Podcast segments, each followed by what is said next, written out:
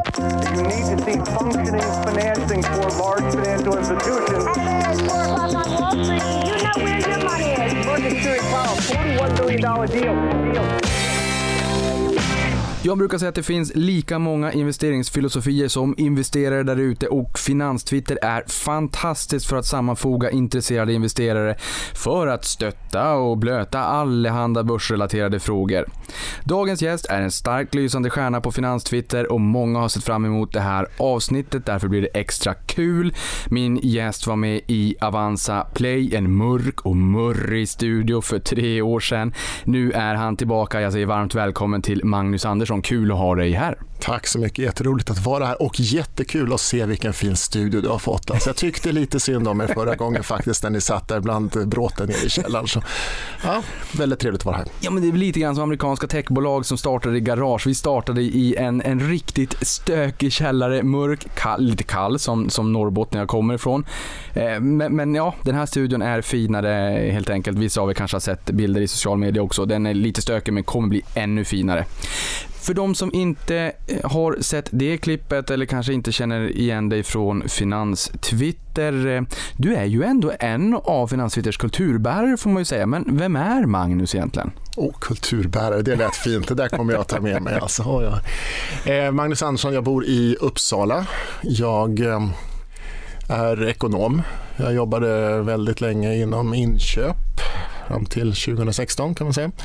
I många olika positioner och olika länder och eh, sådär. Jag eh, har väl varit intresserad av pengar väldigt, väldigt länge och en sån där jobbig unge som var duktig på att spara veckopengarna och eh, mina kompisar tyckte det var så konstigt att jag inte hade köpt eh, köpt eh, godis och glass eh, direkt när veckopengen kom. Så jag höll på lite sånt och eh, ja, jag blev intresserad av aktier på 80-talet egentligen när jag lyssnade på mina föräldrar.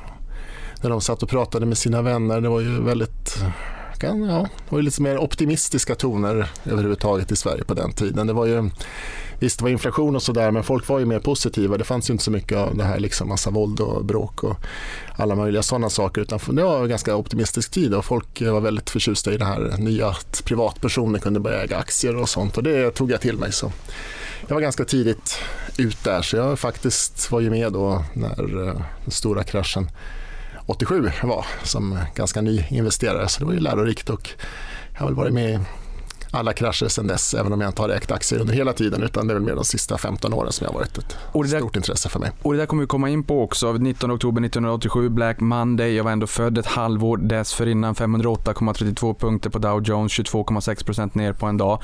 Väldigt, väldigt dramatiskt. 80-talet, jag tror att börsen steg någonstans 1500-1600%. Det var mycket... Härliga tider. det glada 80-talet och det var, det var eh, liksom yuppies och och, och ehm, också hög inflation självfallet och mycket devalveringar och vi hade en annan valutaregim och vi har sett sällskapsresan när man var tvungen att smuggla in pengar i ett hård knäckebrödspaket för att ta ut och sådär. Men, men alltså dina föräldrar då? De här tiderna, eh, vad har, eh, ändå intressant att du har fått intresset från dina föräldrar satta vid, vid eh, köksbordet och pratade aktier. Mm, vad, eh, vad tar du med dig därifrån och hur pratar du kring sparande och investeringar med, med dem idag? Idag? Ja, det, ja absolut, det hände ju absolut. Sådär. Det, det, var inte just bara mina föräldrar, alltså, det var ju mycket deras vänner också. Jag hade flera vänner som var oerhört intresserade av det där. Och, eh, ja, det var ju lätt att låna pengar också, det var ju, som vi skulle märka sen i den stora kraschen i början av 90-talet.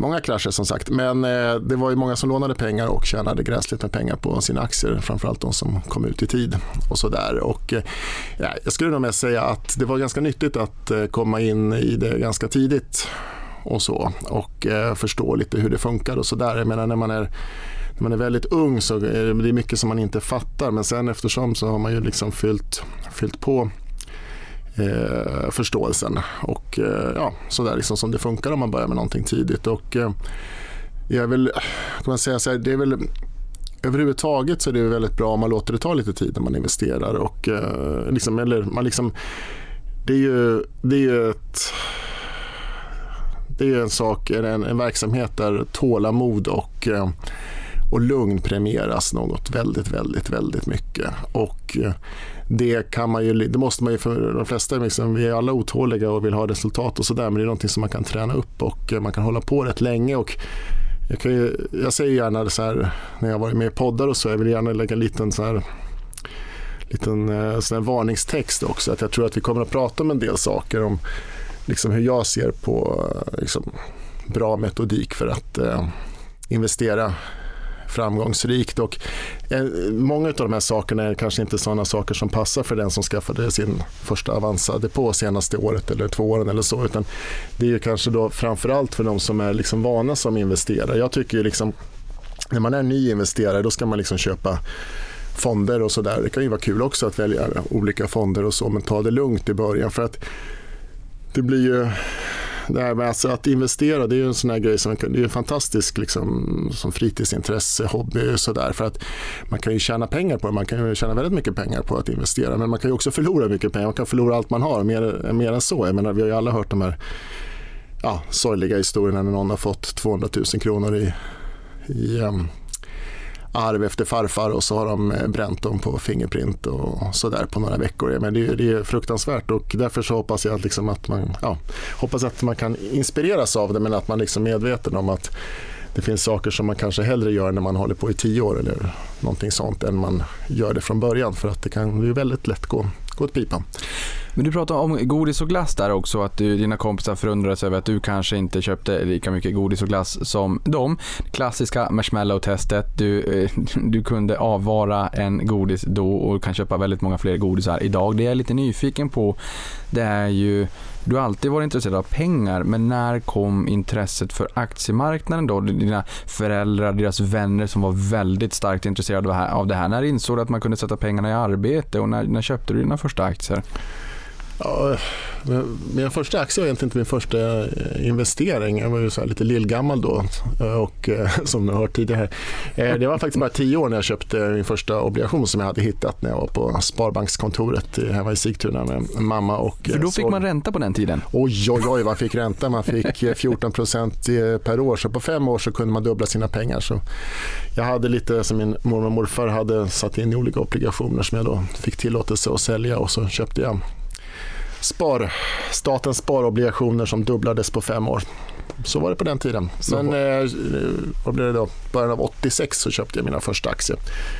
Så det, det är ett tag. Men som sagt, jag har inte hållit på med aktier hela tiden. Utan på 90-talet och så, så roade jag mig mer på universitet och nationer och sådana saker. Men eh, jag eh, hittade väl formen när jag flyttade hem till Sverige igen. Då kanske var det 2001 då med Ericsson var det då som var på tapeten. Ah. Och där skulle jag göra det här stora klippet tänkte jag då för att eh, eh jag tog pengar då som jag hade sparat ihop och eh, tyckte att eh, ja, jag behöver kanske inte dem den här veckan och eh, köpte Ericsson då på, var den nere på då, men det är okej, okay, den, har, den har ju den har ju splittat också. Men, men den aktien som fanns då, så den gick ner mot 4 kronor, den där som hade då varit på många hundra då köpte jag, men sen fortsatte den ju bara att rasa och eh, då sålde jag dessvärre. Men det var ju, det var ju nyttigt att lära sig också att ha lite mer conviction i det hela. Jo, men det där är ju en lärpeng. Därför att Ericsson på den tiden, Ericsson var ju värt 1800 miljarder och stod för 48 procent av OMXS30, alltså halva börsvärdet. Jag vet inte vilken indexfond som hade kunnat rygga den, den ohyggliga exponeringen. Det är väl stört omöjligt. Men ändå intressant och det där var ju en, en lärpeng, inte oh ja. minst. Oh ja, det är så man får se det hela. Det viktiga är ju att lärpengarna inte blir 150 procent av eh, kapitalet för att man har fetbelånat sig flera gånger om på Avanza eller någon av era konkurrenter. Nej, men det är, så det, det är så det funkar. Man kommer att förlora pengar ibland men det viktiga är att man tar någonting med sig av det och eh, det är ju liksom att eh, den här grejen att jobba på att eh, lära sig tålamod och eh, inte liksom envishet och tjurighet att man inte fattar vart och att det här, det här kommer ju inte att gå måste man liksom inse ibland. Men tålamod när man har oddsen på sin sida och i det fallet hade jag ju det. Det var liksom ganska otänkbart att de stora ägarna skulle låta Ericsson gå i konkurs, det får man ju ändå säga. Och då, för att göra det lite mer solskenshistoria då kan jag berätta att mycket av det jag lärde mig då hade jag nytta av sen när finanskrisen kom. För att eh, då hamnar man ju också i sådana här lägen att eh, de stora bankerna eh, skrämde ju slag på ja, en mycket stor del utav investerarcommunityt och de sålde ju som galningar och det var ju braskande rubriker varenda dag i Dagens Industri om Swedbank då som blev eh, mitt ena utav de två casen jag hade under finanskrisen. Och där kände jag också att precis som det var med Ericsson då så eh, det här kommer ju inte rörelsen och eh, andra storägare att släppa. Det är en liten, liten sannolikhet ändå får man ju säga och det blev ju väldigt lyckat och samma med Boliden då som där Många trodde att de skulle göra en ny emission och det skulle gå åt pipan. Och jag tyckte att nej, men det är väldigt lite som talar för det ändå. De, de eh, tjänar rätt mycket pengar.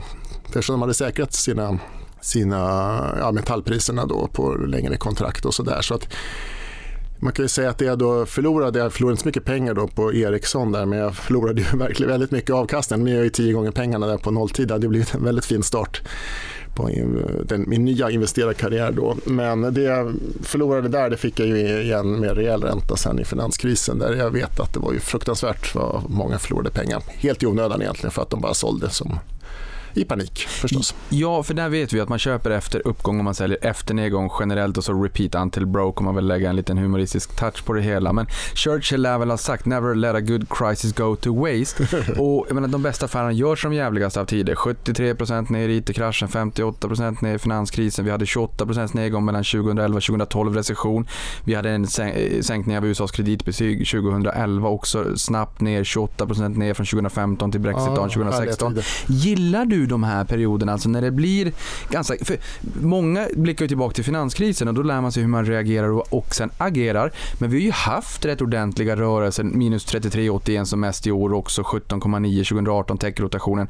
Gillar du de här rörelserna exempelvis att plocka upp ett väldigt skadeskjutet eh, Swedbank eller håller du hårt på de här, den här fyran av bolag som du äger idag som vi kommer komma in på lite mer? Nej, men jag skulle säga jag har väl ett eh, väl utvecklat hatkärlek till de här eh, tillfällena får man säga. För att eh, jag menar det, det är eh, det är ju tungt. Jag menar, hur länge man än håller på med det. Det är tungt att se liksom när det sjunker och sen tänker man att nej men nu kan det ju inte sjunka, det här är ju helt galet. Och så fortsätter det att sjunka och sådär. Men, men vetskapen som man bär med sig när man har varit med i alla fall ett par gånger i de här eh, körningarna det är ju att det kommer alltid tillbaka med det lilla undantaget då om du sitter på något innehav som drabbas väldigt, väldigt mycket just det innehavet av kriser. Men det, så kan det ju vara. Men det, man ska inte liksom tro att det, det är riskfritt, det är det inte. Men det är ju väldigt låg risk om du har, en, om du har ett företag då som, ja, till exempel de som jag satt på då vid vid den här eh, tunga nedgången i mars. Där då. Om du sitter på verksamheter som är väldigt sunda, lågt belånade, fantastiska kassaflöden och det bara är en allmän panik för att eh, ja, nu tror liksom en del av marknaden, men det behöver inte vara alla eller sånt, sånt men liksom, eller majoritet, utan en del av marknaden tror att nu är det liksom Armageddon här och eh, då vill ju folk ha sina pengar och eh, ja, då kan de ju få sina pengar när de dumpar Evolution på 270 kronor och sådär. Jag tror, ja. Det är ju helt, eh, det är så det funkar. Liksom. Och, eh, men det är jobbigt, absolut. Det är jobbigt, det är ansträngande, men det blir, eh, ja, för de som liksom bara varit med om den här gången eller den här och förra gången kan man liksom lite förtröstansfullt säga liksom till dem att det kommer att bli lättare. Det blir lättare för varje gång som man är med om det och det blir mer och mer av den här känslan, liksom jäklar vilket tillfälle. Alltså nu gäller det ju att gå in liksom, med det man har här för att eh, det här är en av de där chanserna som bara kommer med eh, några, år, några års mellanrum. Ja, jag blir alldeles varm i kroppen. Jag, den här våren, jag har aldrig varit så aktiv på köpsidan. För man det hade kunnat fortsätta. Det var, var i slutändan bara 18 dagars krasch. Men vi tog 60% av den totala nedgången under finanskrisen på 5% av tiden. Så det var ju en dramatisk och snabb nedgång. I USA, jag vet jag har sagt det här många gånger tidigare på podden, men, men repetition är väl kunskapens moder när Dow Jones föll 38% och vi såg en 37 i nedgång under fyra år under andra världskriget. Så att rörelserna har ju förstärkts. All information är enormt mycket mer lättillgänglig idag och det är många mer eh, både vana men också ovana investerare och kanske får den här paniken. Det blir stora flöden och där är du och drar nytta av de här. Och det är som du säger, man blir mer hårdhudad och att man också liksom blir lite exalterad och även om det gör ont, det är lite grann som tusen nålar. Eller att man går och styrketränar och man bryter ner musklerna, man får träningsvärk och då blir man stolt och att man vet att det kommer bättre tider. Men du sa här, 2001 så kom du tillbaka till Sverige. Vart var du dessförinnan? En utländsk karriär, vad, vad var det för eh, sväng? Ja. Karriär, det var egentligen bara en anställning. Jag lämnade Sverige 1998 var det. Jag fick jobb i Tyskland och flyttade dit. Och eh, jag hade inte några planer direkt på att eh, komma tillbaka. Jag tyckte det var så skönt med att det var varmare klimat och jättebillig Har du varit i Boden? öl. Och, jag gjorde lumpen, unge man, här i Boden 15 månader. Så Jag vet hur kallt det kan vara. jag har, har upplevt det. Det var hårda tider det, med dåligt betalt. Men, eh, nej, men jag flyttade till Tyskland och hade nog eh, tänkt mig att vara där eller fortsätta utomlands och sådär. Men jag, jag kan ju se det eh, som det här med, med liksom om man, ja, investeringsfilosofi och sådana saker då, som jag vet att vi ska komma in på. att jag eh, förstod, det var någon gång eh, på 90-talet då när jag var student, där att jag, jag var bra på att eh, se vartåt saker och ting var på väg. Eh, liksom man har en viss situation, nu sitter vi med det här, vi kanske håller på med ett projekt eller vad som helst. Eh, ja, när man sen börjar jobba och sådär. Och eh, hur kommer det här att gå? Liksom, vad är sannolikheten för att det kommer att gå bra och dåligt och sådär? Liksom, vad kan man behöva göra för att det ska gå bra? Och jag förstod ju då liksom att man blir inte alltid så populär när man har insikt där för man kan ju vara ganska negativ och säga att det här kommer inte att funka, det måste ni fatta. Liksom, så här. Men, men eh, om man liksom, jag kände att jag hade mer rätt än vad jag hade fel de här gångerna då och eh, då förstod jag också att det här skulle ju då kunna användas eh, om jag liksom återkom lite mer till mitt intresse för aktier och börsen och så där som hade fått ligga i träda rätt länge. Och det har det gjort och anledningen att jag eh, Eh, lämnade Tyskland och den anställningen det var ju att jag såg att det bolaget då skulle det skulle inte gå så bra för dem för de blödde, blödde väldigt mycket pengar på att eh, dotterbolagen hade, hade starka chefer som eh, ville hitta på allt möjligt roligt och det var större intresse för att göra roliga saker än att kanske nödvändigtvis eh, förstärka koncernens likviditet och sådär. Eh, jag kommer ihåg när vd för det tyska dotterbolaget då, eh, till koncernen då, där jag jobbade, han var svensk för övrigt, men han kom in till mig på mitt rum där då när jag hade sagt upp mig där då, och så sa han ah, fan Magnus ska du sluta, alltså, det här kommer bli bra. Det var alltså, han, hade, han satt ju med en stor stek i bolaget också, det var ett onoterat företag men han satt ju där och sa ah, jag är inte orolig, alltså, jag är inte orolig, det här kommer att gå skitbra. Och så där. Får vi bara ägarna nu och stoppa in mera pengar och så, jag tänkte jag satt där, vad ska jag säga liksom, till dem, så, jag är mer osäker där. Så, ah, det kommer att gå så bra tänkte jag, jag bara satt där och hållit tyst. Men jag tänkte du kommer att förlora vartenda litet öre av de här pengarna du har och jag tänker sticka innan det här går riktigt i, i putten. Och det gjorde det naturligtvis några månader senare när svenska ägarna slutade stoppa in pengar i verksamheten och då kom jag hem till Sverige. Och, eh, det var ju då jag kände lite mer att jag skulle försöka dra nytta utav eh, det här då, som jag kände att jag ofta kunde se liksom hur det skulle gå. Och det var då jag började med Ericsson, men det var då jag fick lite lite kalla fötter och så. Men eh, eh, men den här erfarenheten som du har då, att, att du liksom kan känna av vartåt det barkar. Den har du ju dragit nytta av under din tid på börsen som investerare under alla de här åren. Jag tror en och annan också kan fundera på, är du ekonomiskt oberoende idag? Ja, jag har inga, jag kan inte säga att jag har problem. Sådana problem det har jag inte, absolut inte, utan det, det får jag nog säga man ska återknyta lite grann till det där som jag sa då om, eh, om eh, min stil och sådär. För att det, i och med att jag, om man börjar i den änden att man måste ju ha någon form av edge emot marknaden om man ska kunna liksom tjäna pengar på börsen. I annat fall är det bara att köpa några fonder och sådär liksom och hänga med i den allmänna uppgången över tid. Men om man ska lyckas liksom med att eh, ja, investera i enskilda aktier och sådär, vilket jag då tycker att man ska vänta ett tag med i början då, men liksom när man väl ska göra det och börja riskera pengar som kommer att svida och sådär, då måste man liksom känna vad har jag för kunskap. Det kan ju vara så att man känner en viss bransch väldigt väl. Men det finns ju investerare som är jätteduktiga på, ja men liksom har eh, medicinsk naturvetenskaplig bakgrund och håller på och forskar och liksom jätteduktiga på den grejen. Då är liksom det deras edge. Det finns andra som är riktigt, som jag absolut inte är, men riktigt fena på siffror och sådär och liksom kan se alla grejer. Man bara sitter och lyssnar på dem ibland och säger så ja men det, det, där, det är förhållanden där och då sjunker där och då kommer det att stärka likviditeten. Man sitter ah, okej, okay, ja. absolut, absolut, jag håller med. Men de som har den edgen har ju liksom det att luta sig bakåt på och sådär. Och eh, för min del har det varit där i och med att jag då liksom ofta kan liksom träffa rätt på eh, om jag skaffar mig kunskap om någonting så är det ju liksom bara frågan om att läsa läsa och lyssna på de som kan mer och försöka sila bort de som inte kan så mycket. Och det, det innebär ju då att man måste lägga de här tusentals timmarna som det är egentligen från vilken annan verksamhet man håller på med som helst. Men det är ju då, ja, men som Buffett säger, man ska syssla med det som är, jobba med det man tycker är roligt för då känns det inte som ett jobb. Och det känns ju liksom inte som ett jobb om man älskar liksom vissa företag och vill lära sig och lyssna och, så där liksom så mycket som möjligt på dem. Men sen så är det, det andra saker också som är viktigt och det är att man då silar bort det som inte är viktigt. Dels de liksom saker som har hänt som som inte är viktiga för företaget men som kanske marknaden tar väldigt allvarligt på. Att nu har liksom, ja, något litet i och för sig kanske negativt men liksom inte viktigt har inträffat och sådär.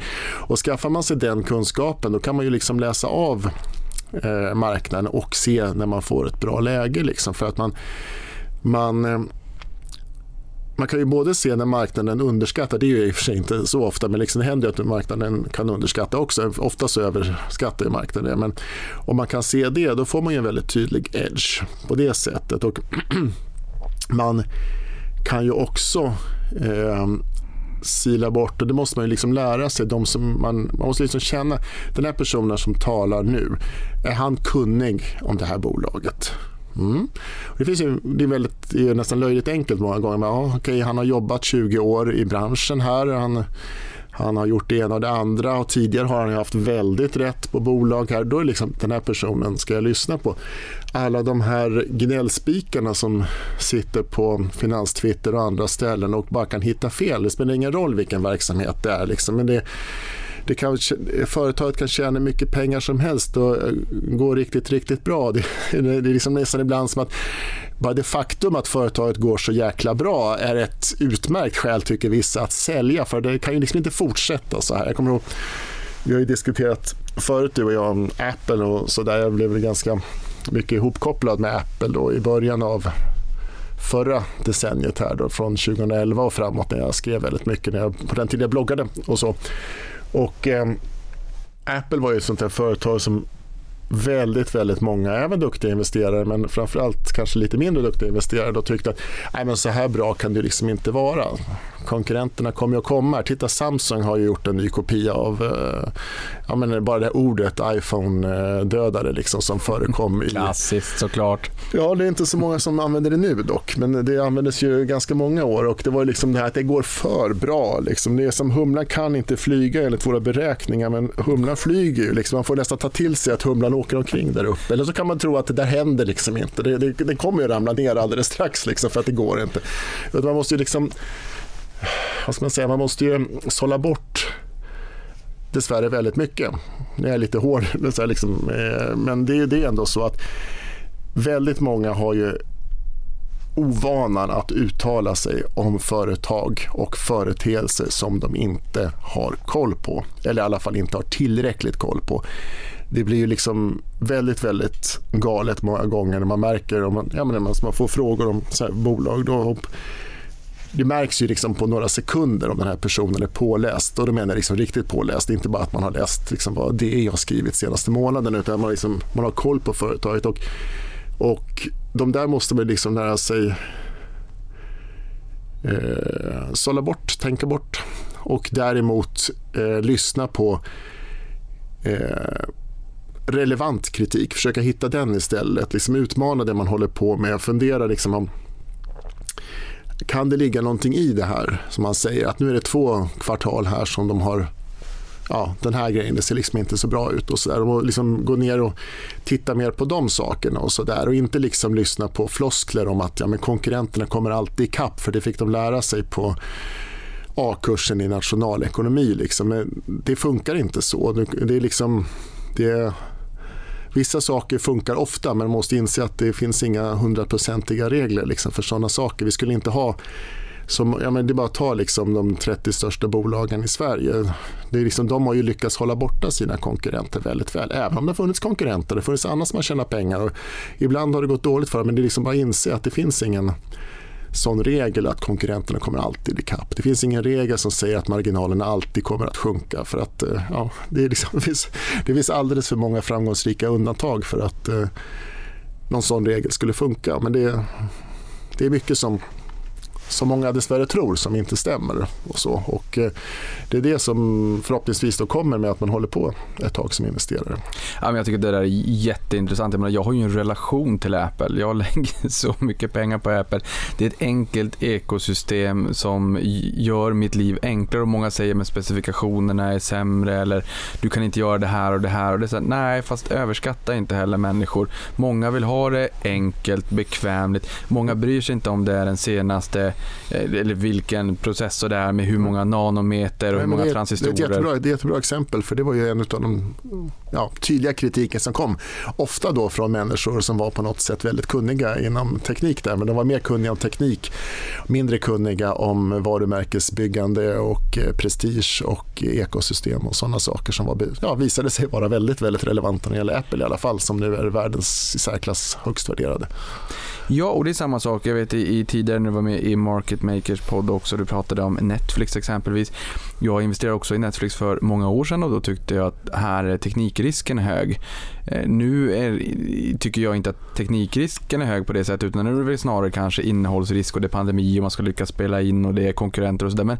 Och samtidigt, då pratar ni även om, om Disneys streamingtjänst. Jag tror att Disneys streamingtjänst kommer bli fantastisk över tid för de har fantastiskt, eh, den fantastiska IPn. Den är inte jättebra idag den kommer att bli bättre. Men jag kommer inte välja bort Netflix. Netflix är den absolut bästa användarupplevelsen mm. som också personifierar mitt innehåll. Och Jag kan bara gå tillbaka till mig själv. Vad krävs för att jag ska sluta köpa en Macbook, en padda, en telefon, iCloud för lagring av bilderna när mina barn ska få 20 000 bilder överlämnade till sig när de blir myndiga. Eller att sluta betala för, för Netflix. Och, och, den barriären är väldigt, väldigt hög och vi kommer att komma in mera på det. Men jag vill också bara fråga, vad gör du om eh, om dagarna. För när vi träffades sist så sa du att du var egenföretagare och krönikör för tradingportalen. Ehm, hur ser dagarna ut idag? Jag förstår att du lägger enormt mycket tid på att faktiskt läsa på, identifiera och hitta de här människorna som du känner att det är de här man ska lyssna på. Men hur ser en typisk dag ut för dig? Man kan säga att det är, ju, det är inte så stor skillnad egentligen eh, för mig eh, jämfört med då. Jag är ju egenföretagare fortfarande. Jag som väldigt många andra drabbades jag lite grann av coronan här i våras då när de som eh, köpte mina krönikor då på tradingportalen de eh, drog ner verksamheten fullständigt och blev bara en nyhetstjänst istället. Då för kände att de kunde tjäna mera pengar på det. Eh, men eh, där publicerar jag ju i egen regi nu på fredagskronikan.se vid nio tiden varje fredag morgon skriver jag där. Så det är väl egentligen då en fortsättning på det här. Liksom jag hade ju en gång i tiden fundamentala analysbloggen då, det var i tio år ungefär. Men, eh, så det skriver jag då och sen så med mitt stora, mitt stora arbete är naturligtvis att hålla rätt på bolagen och det är ju det tar ju väldigt mycket tid och framförallt då Evolution Gaming, man kanske inte ska säga Evolution Gaming, men Evolution då, så att, men bara så att alla vet vilka bolag jag pratar om. Då. Det är ju liksom en väldigt, väldigt stor sysselsättning i och med att företaget eh, bara blir större och större och då också lite mer eh, invecklat nu då efter att man breddar sig genom köpet av det alldeles utmärkta för övrigt köpet av Netent som man gör då. Så det lägger jag oerhört mycket tid på men det är ju, ja, samtidigt så har jag ju bra bra kontakter då bland andra investerare. Vi diskuterar ju det bolaget varje dag kan man säga. Året runt i princip och sådär.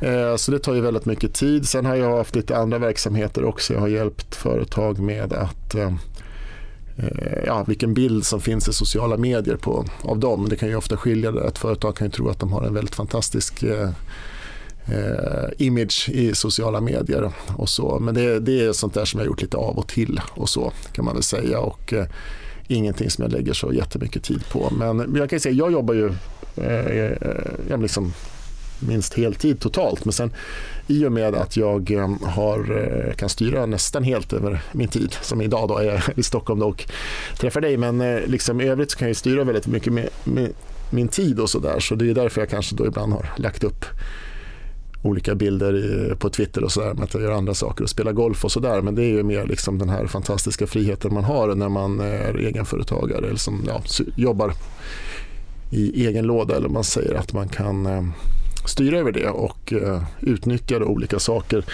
när de flesta andra arbetar och så. Det är ju en enorm fördel kan man säga och det tycker jag är väldigt trevligt. Men det finns många nackdelar också. Herregud, det är en osäker tillvaro att man inte har en trygg månadslön eller att ens kunder då helt plötsligt eh, hoppar av och sådana där saker. Det är liksom det ja, men det är livet. Men det är väl det också som är skönt med att ha byggt upp en ekonomisk trygghet. Även om jag kan tänka mig att du är som mig, att det kanske inte är så roligt att ta ut pengar från portföljen, att vi inte gör det. Men, men ändå att i slutändan, if shit really hits the fan, så finns det en ekonomisk trygghet. Ja, precis. Och, och här får vi väl också säga att just um, Evolutions bud då på Net Entertainment, vi får också bara komma ihåg Cherry som ändå är modern till Cherry, Betsson och Net Entertainment som nu då blir uppköpt av, av Evolution.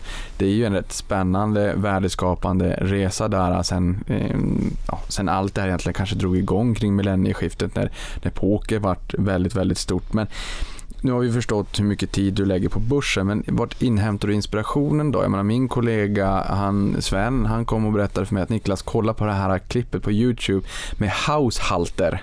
Förnamnet vet jag inte. Där, där han pratar, Todd, Todd Haushalter. Todd Haushalter, där han också säger att vi kan ju också bli disruptade. Ta ett mm. GTA, ett Grand Theft Auto från Rockstar, alltså mm. Take-Two Interactive i USA, där gamingbolag, där um, det finns kasinon i spelvärlden och vad är det som säger att man inte skulle kunna köpa kasinomarker i spelet och i en digital spelvärld spela kasino och sen kunna växla tillbaka det här till riktiga pengar. Jag tyckte klippet ändå var ganska spännande och intressant att man ändå har, eh, har en, en nykter syn på det hela. Att vi kan bli disruptade, vi ska göra allt vi kan för att inte så ska bli fallet, men vi kan. Och jag tyckte det var intressant att bara kika på det där, att man får liksom, det sås ett frö och man får reflektera lite grann. Vart hittar du själv inspirationen? Jag kan ju säga jag har ju varit som alla andra väldigt inspirerad av eh, ja, liksom stora investerare. Jag läste ju naturligtvis då en gång i tiden mycket om eh, Warren Buffett. Det är lågoddsare. Samtidigt så var jag väldigt inspirerad, eller blev då väldigt inspirerad av Peter Lynch och mm. egentligen tyckt mer om honom med eh, tillväxt eh, fokuset som han har. Jag och väldigt likable nörd också tycker ja, jag. Han höll ju på mycket kortare tid än Buffett men jag mm. tror hade han hållit på lika länge så hade han ju slagit Buffett med hästlängder. För man måste ju samtidigt, eh, om man inspireras av olika personer får man ju inte liksom bara köpa det som eh, amen i kyrkan för att det, det är klart att eh, de här personerna har ju också sina brister. Buffett har ju stora brister i det att han han hade ett så, jag koketterar ju med sin eh, teknikaversion. Jag kan ingenting om det där, men han gjorde ju fruktansvärda misstag. Han, han eh, blev till exempel erbjuden att gå in som stor investerare i eh, Intel för eh, ja, det var slutet av 60-talet. Jag kan, jag kan ha fel på årtal, men i alla fall för väldigt länge sedan. Han har fått många sådana här jättebra nästan liksom självklara, eh, som en, om någon som har lite koll på det. Och det, det sa jag, ah, jag kan ingenting om det där. Det är först på senare år som han har bättrat sig lite grann där. Då. Och då, och Apple har blivit det absolut bästa ja, bolaget och då kan man ju säga så här att när han först skulle ändra sig, då började man köpa IBM som ju också var väldigt typiskt för honom. Det var ett bolag som var stort på hans tid när han liksom växte upp och sådär. Och det gick ju ingen bra alls då. Men sen, eh, man kan ju säga, hade han inte köpt Apple då, vilket tydligen var en av hans medarbetare då som hade börjat köpa för en annan del av företag. Hade inte han köpt den då hade han ju underpresterat index ganska rejält nu. Och det visar ju också vilken otrolig vikt man måste lägga på tillväxt. Jag menar, vi har dels det här då som Warren Buffett är väldigt förtjänstfull när han pratar om det här med vallgraven och vallgravens betydelse och så. Det är det man måste liksom förstå. Att vallgrav är inte bara ett gammalt företag som har liksom, som Walmart och liknande har liksom skaffat sig en fantastisk struktur som ja, Hennes och Maurits, många sådana där bolag har ju det. För att helt plötsligt så börjar vallgraven skaka då när världen förändras och det är ju det som är så intressant nu med det stora teknikskiftet, digitaliseringen och så vidare. Det är absolut ingenting nytt men det pågår med större hastighet skulle jag säga idag än någonting annat. Och det är då som man liksom måste börja ifrågasätta det där lite grann och tänka att ja, men vilka bolag är det som kan liksom skapa värde i framtiden här? Och så här. Det är ju inte Hennes Mauritz sannolikt, det är inte IBM och så där, utan det är andra bolag.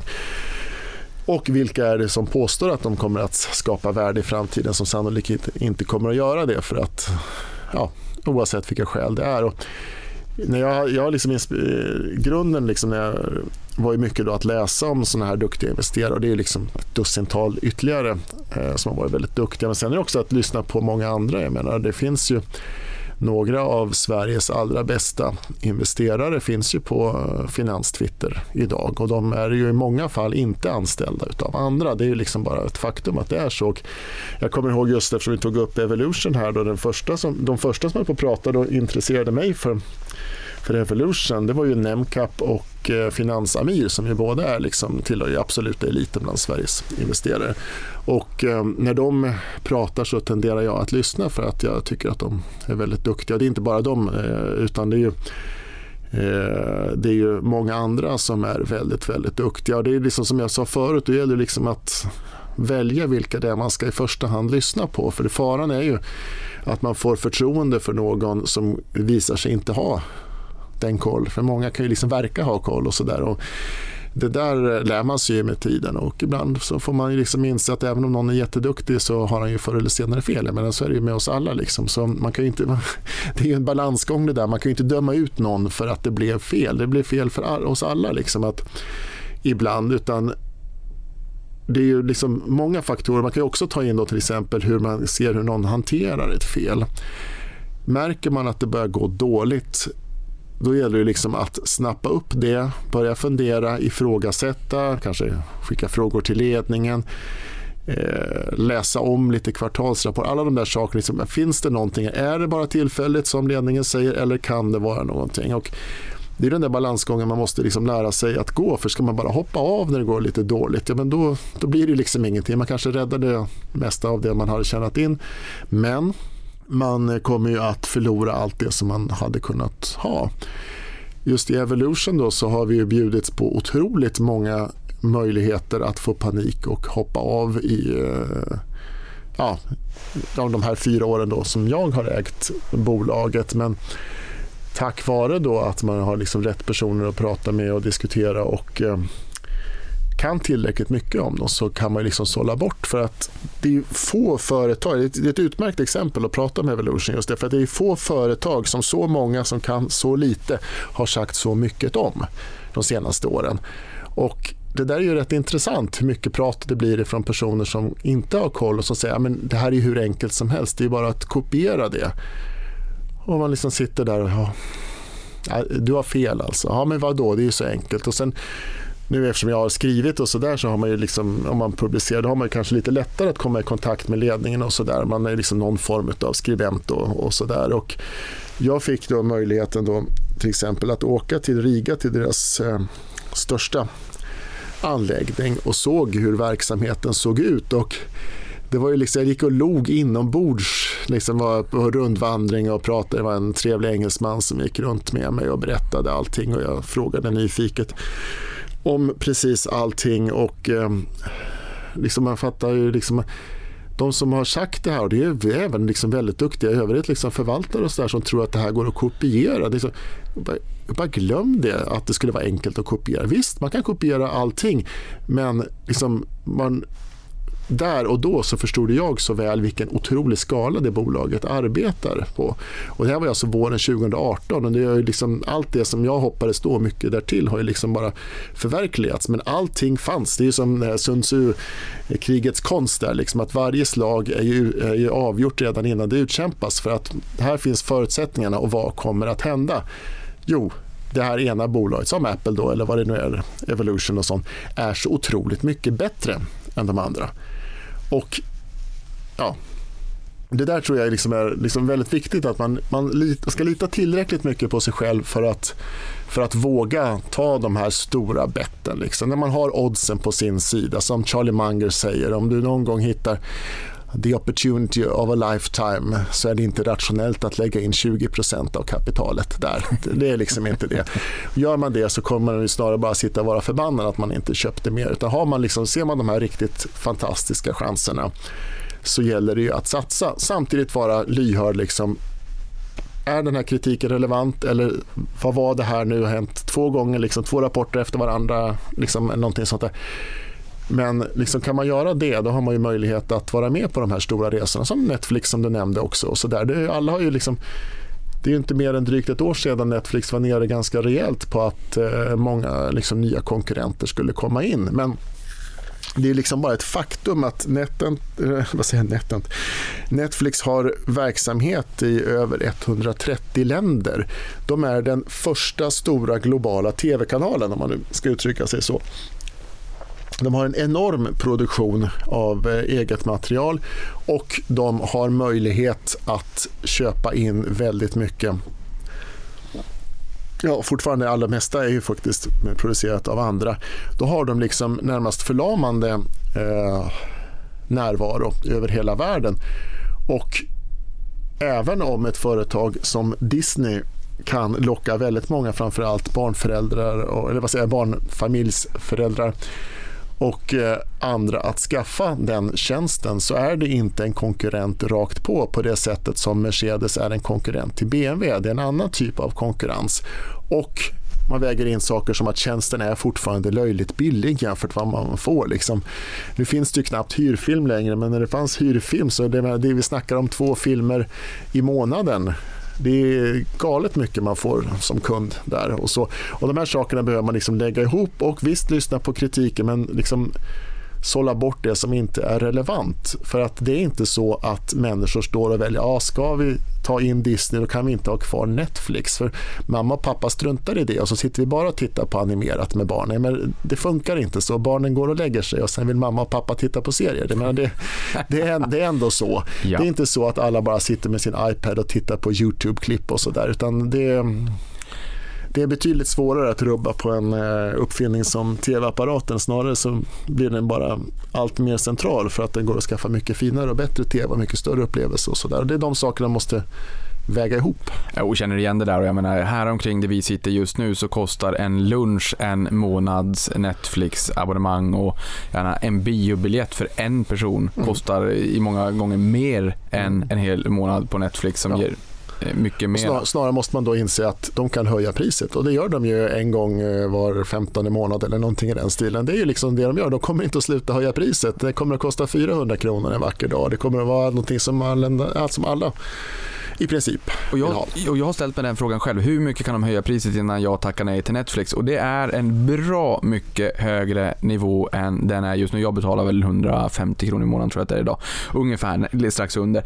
Men jag tycker att det här är intressant. Du nämner också förvaltare som har ändrat sin syn på Evolution. Jag vet att eh, Johan Thorén på Strand, han sa också samma sak när han var och, och, och ja, jag, vet, jag pratade med honom också. Det var jätte, jätte intressant att höra efter att jag hade varit där då att han hade känt likadant. Och det, jag kan ju bara önska att fler hade åkt dit. Ja. Det fanns ju andra som eh, åkte och blev bjudna till eh, till eh, Playtech då när de eh, startade en liten studio i eh, där borta också och eh, tog väldigt mycket till sig. Oj, oj, nu kommer Evolution att få problem och sådär. Men det har inte riktigt utvecklat sig på det sättet. De borde åkt till Evolution istället och Ja men det är intressant. Så hur, hur, ofta tar du möjligheten, vilket jag tycker att fler borde göra oftare, att kontakta eh, bolaget, vi investerar, alla bolag har ju sin investerarrelation, sin, sin del av, av sajten så att säga. Men hur ofta tar du möjlighet att, att kontakta ledningen när du har de här frågorna som du vill få besvarade? Ja men väldigt ofta kan jag nog säga. Det har inte varit bara Evolution på något sätt, även om det är de som har haft absolut mest mm. eh, frågor till besvärat med frågor, eller man ska säga. Men eh, det har ju varit många andra bolag som jag har varit inne i de senaste tio åren. Och det är ganska enkelt egentligen. Men samtidigt kan det vara enklare som sagt när man skriver själv och man liksom presenterar sig på det sättet jag skriver om er och sådär. Jag tycker det är intressant och sådär för att då blir man ju lite mer eh, relevant naturligtvis. Mm. Men de flesta bolag kan man ju liksom skriva till eh, IR-ansvarig och få svar. Det är, liksom, det är den personens jobb att lämna svar, inte bara till analytiker och sådär. Man ska inte tro att man blir, eh, får lika mycket eh, hjälp som en eh, liksom välkänd analytiker men man kan ju få svar av det och det är där man kan man kan, ja, ska man säga, man, de, alla sköter ju allting sånt där väldigt eh, liksom, korrekt nu för tiden men man kan ju också känna av, om man har kontakt med någon så kan man ju känna liksom, hur känns den här personen? Är liksom väldigt eh, övertygande och positiv och liksom, kan han förklara sådana saker som ja, men, så här, en, egentligen enkla men livsviktiga saker. Vad är det som är viktigt här? Då? Eh, man kan ju fråga, liksom, många har ju skrivit nu om det här som hände och sådär och hur känner ni för det?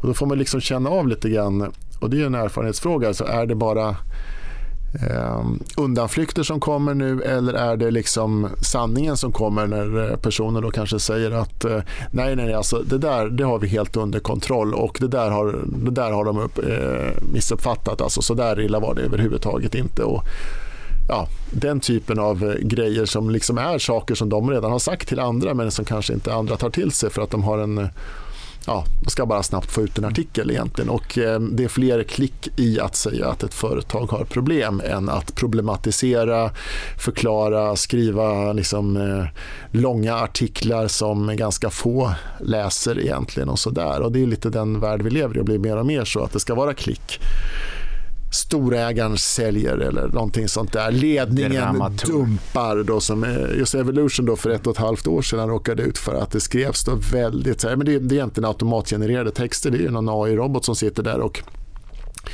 liksom snabbt bara ska ut ifrån ett, någon form av eh, meddelande som har kommit ska liksom komma ut bara tjoff någonting och då blir det liksom storägaren dumpar och eh, sådana saker. Sanningen då som i det fallet var något helt annat att det var liksom väldigt stora optionstilldelningar som de är tvungna att betala för och det är inte så många människor ändå som kan bara langa upp eh, 20 000 kontant för eh, att eh, eh, teckna alla sina optioner och det är ju liksom sånt som man om man tänker några varv till så ser man sanningen här. Men den, då åkte ju aktien var nere 170-160 någonting i den stilen. Bara på egentligen att eh, det hade varit optionslösen eh, vid halvårsskiftet för eh, många i ledningen och man kan liksom kanske inte som sagt då ta så stora lån om man har villa och fritidshus och familj att vara rädd om och sådär utan då säljer man istället en del av sina optioner och så betalar man en del. Och det är liksom den där typen av kunskap som man liksom måste inhämta på ett eller annat sätt. Eh, annars blir man ju den där personen som, åh jäklar, vd säljer liksom, och finanschefen också. Ja, nu vet du. Jag menar, om, det var om det är bara first level på allting man gör, då blir det liksom, eh, ja, ganska tråkigt resultat. Ja, det blir lite jobbigt den här dramaturgiska sötman i rubriksättningen som kan skälpa mer än vad det kan hjälpa. Och det, det, är klart att det är, det är klick i mångt och mycket som, som har stor betydelse idag. Därför är det väl värt att tänka till och också få med all, alla de eh, medskick som du ger oss här idag. Jag, har ett exempel också som jag kom att tänka på här eh, när, när vi pratar om resor. Jag menar, Netflix var ner 50% under en period när, när jag hade köpt de här nu är de upp väldigt, väldigt mycket. Brian Feroldi är en person som är förknippad med Motley Fool i USA som jag tycker om väldigt mycket. Och han skrev en tweet om eh, Mercado Libre i Sydamerika. Man brukar säga att det är Sydamerikas Amazon bara på det här med att ta ett etablerat varumärke och säga det här är hmm, hmm, hmm, i, i Sydamerika eller eh, Afrika eller vad det än kan tänkas vara. Nåväl, Mercado Libre, då förstår ni vad det är för verksamhet. Paypal har en liten stek där i. Kom in på börsen 2007 Avkastningen sedan dess har varit nästan 5000 procent. De har, det, är okay. det är väldigt okej. Okay. De har eh, sett aktiekursen eh, droppa 10% 25 gånger sedan dess. 20 tapp 15 gånger. 30 tapp 7 gånger. 40 tapp 6 gånger. 50 tapp en gång och 90 tapp en gång och har man stått ut med det här så har man fått 5000 procent. jag kommer att tänka, jag tycker det här exemplet talar så väl in på det du har berättat för oss här och att man måste våga göra sin egen hemläxa och också stå ut med den volatiliteten och att vi vet att kollektivet köper efter uppgång och säljer efter nedgång och skräms för den där typen av rubriker.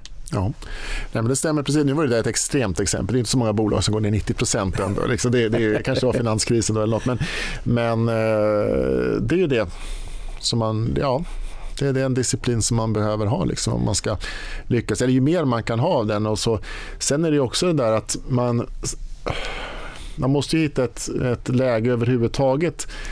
Eh, jag är ju då väldigt, väldigt fokuserad och har blivit bara mer och mer fokuserad eh, som investerare. Ja, berätta portföljen också hur den ser ut. I få bolag och egentligen så, jag menar, man kan säga att jag äger ju bara Evolution, Netflix och LVMH idag av någon som helst betydelse. Och framförallt då väldigt koncentrerad mot Evolution. Och och äger du fortfarande Apple? Ja, pyttelite, men framförallt till mina barn äger jag Apple. och så. Och eh, för mig så funkar ju det där väldigt bra. Sen för många andra så är det liksom för svårt och man kan liksom inte man kan ju inte överskrida sin smärttröskel heller när det gäller sådana saker för man måste ju liksom må bra. Man kan ju må, man kan ju må dåligt ibland men det går inte runt, man kan ju inte gå runt och må dåligt jämt för då klarar man inte. Då kommer man ju ändå dessutom förr eller senare att sälja vid fel tillfälle bara för att ja, jag tar hellre den här smällen än att eh, gå och må dåligt. Och vara, och det, menar för många liksom som sitter på, det är ju mer eller mindre regel nu för tiden att man sitter på stora lån. Och om man då liksom känner att det blir för mycket, då har det gått för långt. Men jag och, det är ju långt ifrån ensam, det är inte någonting eh, som är ovanligt egentligen om man tänker liksom bland vissa ja, investerare i Sverige har ju liksom skalat bort mer och mer just för att ju färre det är, väldigt, det är en väldigt bra utväxling på det hela. Ju färre bolag man har desto färre är, färre är det att hålla reda på och då kan man ju slå marknaden i kunskap.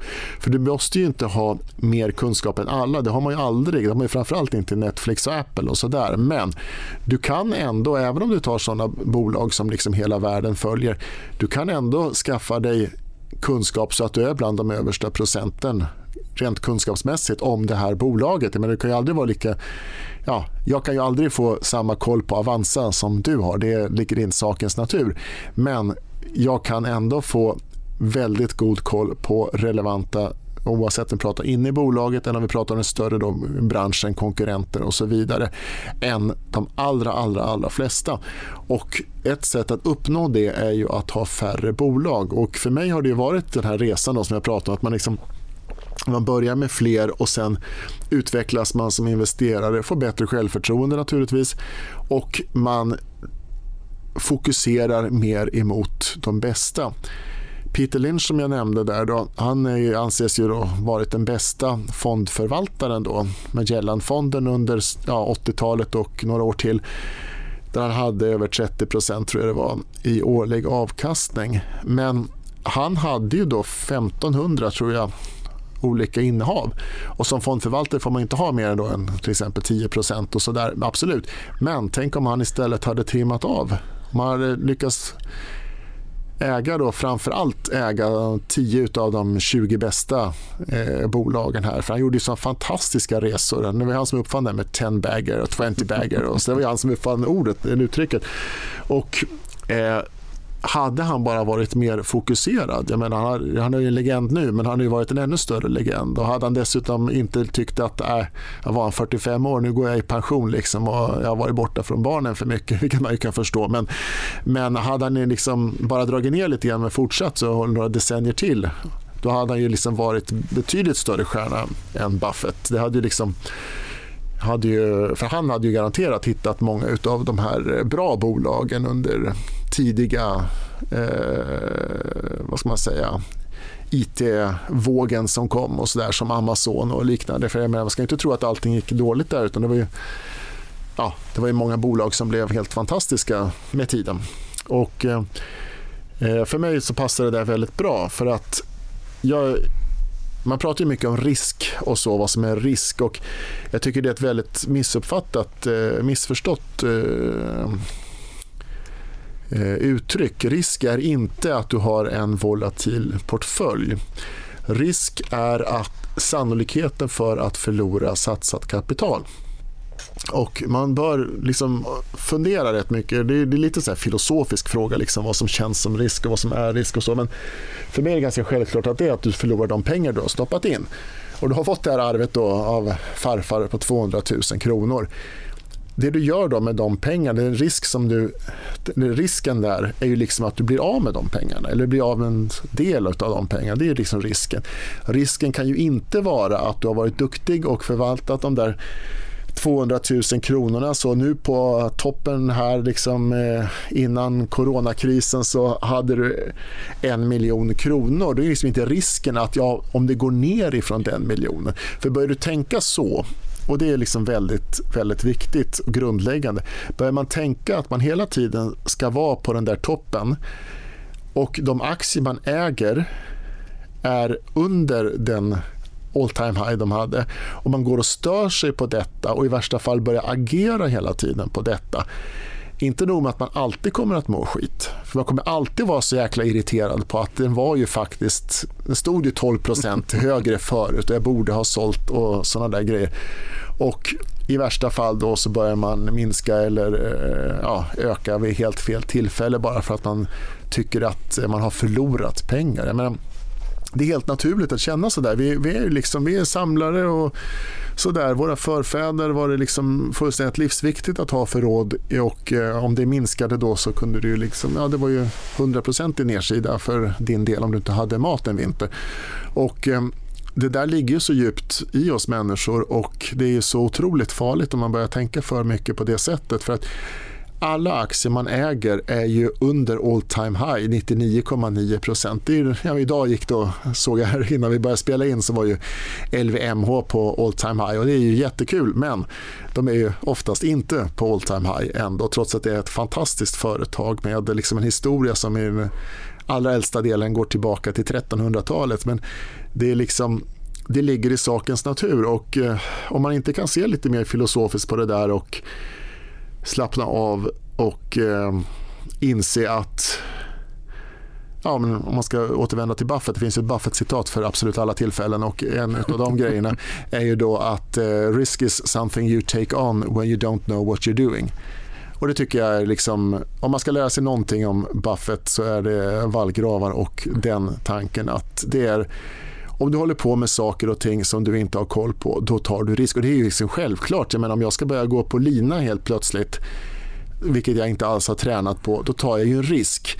Om en lindansare går på samma ställe så tar han ju ingen risk egentligen. Det är ju, ja, han vet ju precis vad han håller på med. Och då är liksom, om du har järnkoll på ett bolag och eh, samtidigt då som sagt eh, håller koll på liksom, de dåliga nyheterna och sånt. Men har du liksom järnkoll på ett bolag då har du ju liksom en mycket, mycket mindre risk än om du sitter med 15-20 bolag där du inte ens oftast då kanske kommer ihåg eh, rapportdatum eller oj, då har de där rapporterat. Liksom, och, jaha, ja, vänta nu, det var en liten dålig nyhet. Jag vet inte hur jag ska tolka den och det har jag ändå så här, 8% av mitt kapital i. Jag menar, det, det, där finns ju den stora risken.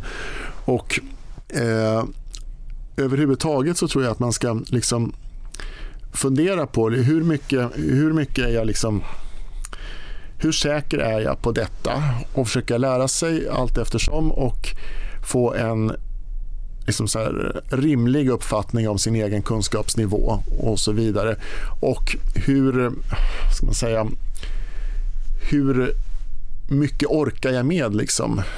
I rörelse. Ja, men tar Evolution då framförallt, men LVMH och Netflix har också varit volatila men Evolution har ju missförståtts något så vansinnigt eftersom de är i en ny bransch Fram till hyfsat nyligen så var den inte riktigt laglig i Sverige heller. Det gav ju liksom väldigt dålig blick. Eh, sen har vi allt det här med ESG som folk kan liksom prata tills huvudena rullar av på dem nu för tiden. Liksom ESG hit och ESG dit och där har de då enligt vissa då en dålig ja, är, är de då enligt vissa en dålig investering av bara det skälet. Men överhuvudtaget så är det liksom nytt. Det här är en helt ny bransch inte helt nya, men liksom för de allra flesta. I Sverige så har vi liksom industribolagen, vi har liksom eh, ja, men så konfektioner, man ska säga H&M och de bolagen. Vi har vi har gruvor och vi har liksom fastighetsbolag. Det är liksom väldigt etablerade branscher. Och de här nya som jag, verksamhet som jag är väldigt förtjust i som har en digital affärsmodell istället. De har vi liksom inte tagit till oss. Samtidigt har ju aktierna skjutit i höjden och man måste ändå då dra vissa slutsatser. Det drar ju många fel slutsatser och tycker att ja, men det är helt sjuk värdering. Det är som någon skrev ganska nyligen på Twitter att eh, det är en sak man kan vara säker på att den som talar om hur det är att värderingen är så jäkla sjuk och så vidare. Det är en person som inte äger eller ägde för länge sedan och sålde med 14 eh, vinst.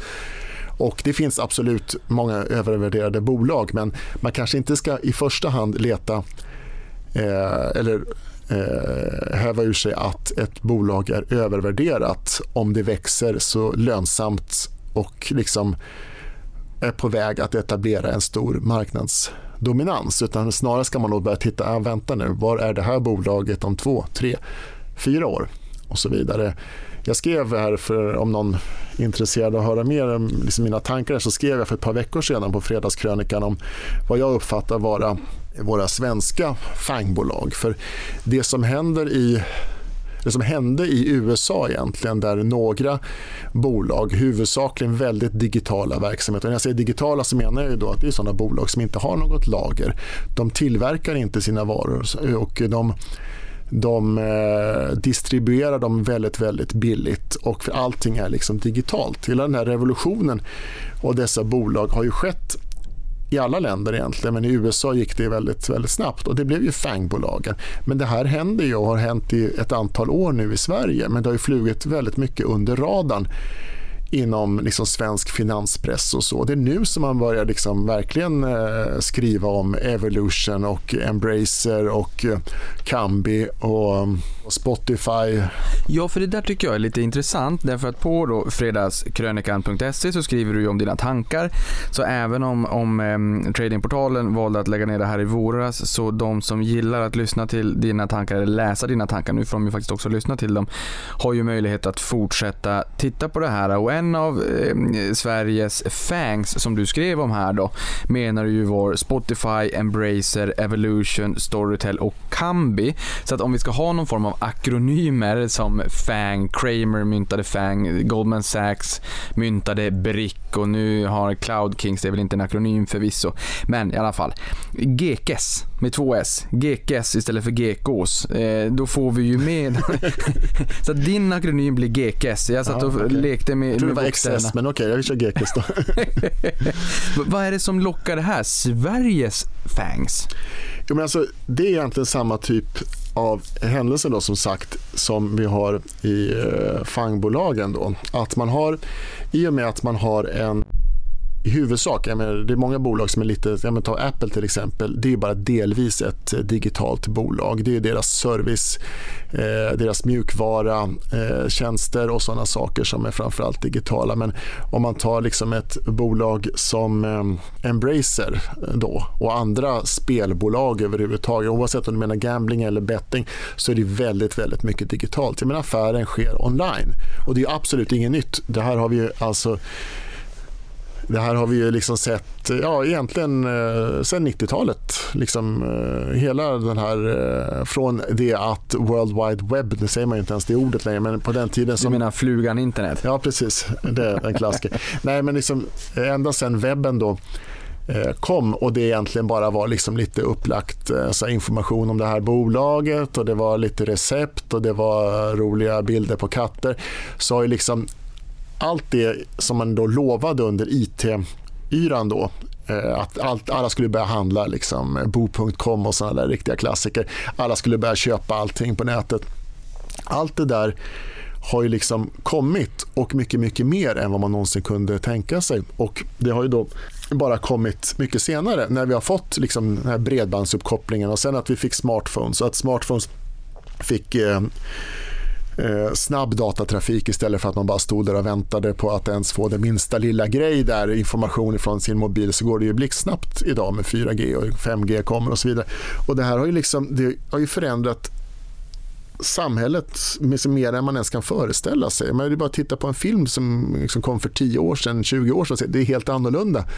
Att man inte kan göra de här sakerna, att man går till en telefonkiosk, att man, alla de här grejerna. Allting har ju förändrats så otroligt. Och vad jag tror många eh, dessvärre nog har missat att de här, det är liksom ett företag som driver sin verksamhet mer eller mindre digitalt blir ju, om det är framgångsrikt naturligtvis, blir ju, kan ju växa mycket, mycket snabbare än tidigare. De kan liksom slå ut då, man kallar disruption då, de företag som inte som hade den gamla affärsmodellen och kan, ja, men, kanske då fanns postorder och så där så kommer man istället att börja sälja som Amazon och så vidare. Det går mycket snabbare och så vidare. Och de som kan göra det där helt och hållet så att de inte har egentligen något lager överhuvudtaget. De har inga distributionskostnader överhuvudtaget. De kan uppdatera produkterna som kunderna har oerhört snabbt och enkelt. Det här är ju så oerhört mycket mer effektivt än vad det är för andra verksamheter. Och Det är det som många då brottas med. För även om man då försöker börja sälja online så har man fortfarande som H&M ett stort lager. Man har en produkt som bara går att sälja under en viss tid, sen måste den reas ut. Man har inkurans för att det blir rökutveckling någonstans eller vad, vad, vad det än vara må. Och de här verksamheterna då som Spotify till exempel, Embracer, Kambi, Storytel och så vidare de har en helt annan verklighet. Om ett bolag, då, precis som fangbolagen och de här bolagen, då, kan jag säga att jag nämnde också Sinch Played och Fortnox som lite runners-up här i min sammanställning. Men det finns jättemånga andra, men det var de som jag uppfattade ja, men lite farmaligan där, ja. Exakt. Ja, Nej, det, det, det, kanske är lite elakt. Lite hårt tycker jag. Runners-up, men de har de, bubblare. Ja. Rising Stars kanske är bättre jag, är liksom, jag har aldrig ägt Sinch till exempel, men sen när man liksom börjar, börjar liksom man läser på mer och hör mer om dem så tänker man herregud hur många sms jag får. Ja. Idag skulle jag ändra tiden som jag skulle boka, som jag hade bokat till eh, att byta däck på bilen. Min son har eh, problem med en tand så jag behöver boka tid för det. Och vad var det för en tredje grej som jag gjorde? Jag höll på och ringde runt där. I alla de tre fallen så fick jag ett sms direkt efter. Då man börjar märka de där sakerna, att det finns liksom grejer överallt där du kan ha en väldigt, väldigt digital verksamhet. Och man, kan liksom, man, man, man funderar inte så mycket över det för det känns ganska självklart. Men blir du dominant inom detta? Och jag ska inte prata mer om Sinch för jag är liksom inte alls eh, någon expert på något sätt om det företaget. Men liksom, har du liksom din grej, titta på Fortnox som jag var mer inne i för några år sedan och så där, men sen så blev det lite bortsållat för min del. De har liksom skaffat sig en dominans på att ha de här bokföringsprogrammen. De har liksom byggt på sina tjänster och de har bara fått fler och fler kunder och det är helt digitalt. Förr i tiden så var det liksom mycket, mycket mer fysiskt de här grejerna. Då har de liksom skaffat sig en dominerande ställning på det samma, samma sätt som som eh, Spotify och Storytel och så vidare har gjort eller är på väg att göra. Och det betyder inte att det inte finns några konkurrenter. Det betyder inte att allting är perfekt i dessa bolag eller någonting sånt. Men man måste liksom inse att det här är någonting helt annat. Och då kan man göra två saker. Antingen kan man nyfiket söka upp de här bolagen, se är det någonting för mig? Kan, vill jag investera i detta? Ja eller nej, men oavsett man liksom nyfiket tittar på det. Eller så kan man bara sitta där på sina höga hästar och tycka att ja men herregud, P är över 30 jag menar allvarligt talat. Och det kan ju vara så att bolag kan ha ett oerhört högt PE bara för att de satsar ju nu, precis som Amazon har gjort hela tiden, de satsar på tillväxt, tillväxt, tillväxt, tillväxt. De vill inte hålla på att skatta och göra någon vinst. De vill bara pusha allting i tillväxt. Och, Vilket de sa dag ett. Ja, egentligen. Men det är väldigt många som kan ju bara liksom skaka på huvudet. Och jag menar inte allt, att alla värderingar, inte på något sätt att alla dessa värderingar är rimliga. Men väldigt många är det om du tänker att det här bolaget håller på eller har redan nu en dominans. Evolutions dominans av live-casinomarknaden i världen är enorm. Och då är de ändå inte bland de största i Asien, men om vi tar liksom totalt sett hela världen så är de liksom en för förlamande konkurrens, eh, eh har en förlamande dominans över hela marknaden och den är oerhört lönsam det de gör. De kan och I och med att de har den här dominansen, det är inte bara Evolution, det är andra bolag också. Har du dominansen, tjänar du pengar, så kan du investera. Har du omsättningen så kan du testa. Ska det vara den här versionen, A eller B? Ska vi köra? Vi kan testa, bara köra ut och testa den för att du, kan liksom, du har en sån stor verksamhet och du har liksom alla förutsättningar för att inte bara behålla din dominans utan fortsätta och växa den dominansen. Och Det är det som har skapat de här världens mest högst värderade företag. Och det, det är som ingenting konstigt i det, det är bara att man måste tänka om lite grann. Man kan inte tänka med dessa bolag Ja, men de är utsatta för konkurrenter, absolut, men de kan samtidigt skaffa sig ganska snabbt, om de är tillräckligt aggressiva, den position som Amazon har. Amazon har ju hundratusentals konkurrenter, men de har en väldigt, och Netflix och så vidare, de har liksom skaffat sig en väldigt stark och fin ställning och kan sannolikt inte bara behålla den utan fortsätta och växa den. Och sitter man då fast i bara tänkandet att ja, men det är inte mer lönsamt än så här. Man får vara nöjd med några procents eh, eh, ja, rörelsemarginal eller någonting sånt. Om man sitter fast i det då kan man ju inte liksom rida på de här vågorna som kommer ibland. Och omställningen ifrån en mer, är det totalt, allt från ett totalt analogt en totalt analog affärsmodell till en mer eller mindre helt digital affärsmodell som väldigt många företag, det går inte med alla företag, absolut inte. Vissa måste ju, måste ju liksom vara väldigt fysiska. Men, men eh, det kommer in på alla möjliga olika ställen och det förändrar världen. Och det är, ja, det är verkligen någonting som jag tycker att man ska försöka sätta sig in i mer än att man ska liksom bara förfasa sig över värderingen. Mm. Och det är överhuvudtaget det är väldigt viktigt. Där. Om man är ny och tror liksom att ja, du ska leta efter låga PE, du ska vara rädd för höga PE. Du ska leta efter hög direktavkastning bara och sådär. Och du tror att det är framtiden, liksom, att det är så du kommer att tjäna dina liksom, ja, det är liksom modellen för att tjäna pengar. Då, ja, då har du verkligen oddsen emot dig. För att bra företag, företag som liksom växer väldigt, väldigt snabbt och så vidare, de är inte lågt värderade. Nej, och jag tycker det här är intressant också för jag menar amerikanska börsen har gått urstarkt i år. Ett Nasdaq har gått urstarkt med en jättehög andel tech. Nasdaq 100 är extremt hög koncentration tech, S&P 500 28,2% senast jag kollade kan man fundera på varför USA är högt värderat och varför de är högre värderade idag i förhållande till historien och då måste man också komma ihåg den höga techkoncentrationen. för det är de här bolagen som växer topline, det är de som är är brutalt lönsamma och det är de som växer bottom line där marginalkostnaden i princip är noll att sälja ytterligare en kodsnutt med digitala ettor och nollor. Precis. Och man måste verkligen komma ihåg det där och jag tycker att det här som du är in på också är superintressant. Jag menar iPhone ska vi komma ihåg. Den hade lanserats två veckor innan börsen vände den 13 juli 2007. Vi kommer ofta ihåg 15 september 2008 när Lehman föll men, men krisen, nedgången började redan 2007, 13 juli. Och då hade ju iPhone precis sett dagens ljus. De var inte först på något sätt men de har ändå revolutionerat på ja. vår verklighet och det kommer väldigt många tjänster som bygger på det där. Och jag tänker någonstans att Apple måste ju vara världens största dagligvaruhandel. Därför då, när, eh, när Buffett köpte, eller Buffett eller om det var Ted eller Todd, köpte det här Q1 2016, köpte in sig, så var P talet 9 och man tyckte att det var ett hårdvaru-case och var, äh, iPhone var väl 60% av omsättningen och det här skulle inte bli någonting bra helt enkelt och Steve Jobs var borta. Idag har vi ett P 36 och vi har ett market cap, jag kommer ihåg jag satt vid datorn fastklistrad, jag var jättehungrig, jag kunde inte gå från datorn. Jag satt i realtid, det var någon stream som CNBC hade, man såg när de passerade 1 trillion dollars och nu har de ju också varit norr om 2 trillion dollars eller 2000 miljarder dollar eller dubbla Stockholmsbörsen i värde. Men här säger man ju att Pressby, nej, Statoil är Sveriges största restaurang i termer av hur mycket varmkorv de säljer. Det är sorgligt. det är sorgligt. Men vi har också alltså dagligvaruhandel i termer av att om vi använder appar så mycket, vi tankar ner appar, vi har prenumerationstjänster där, där Apple också får in en del intäkter via App Store. Det är det jag menar med dagligvaruhandel i och med att det digitala är så stor del av vårt liv. De har ju alltså över en miljard enheter där ute. Både du och jag har ju en dagligvarukedja i fickan när vi går in i App Store. Då kan man tycka att ICA är dominanta, men det är ju ingenting i jämförelse med, med Apple. Nej, och att de kan skära emellan hela tiden. Det är en rent digital. Det, där har vi verkligen ett bra exempel på en helt digital verksamhet.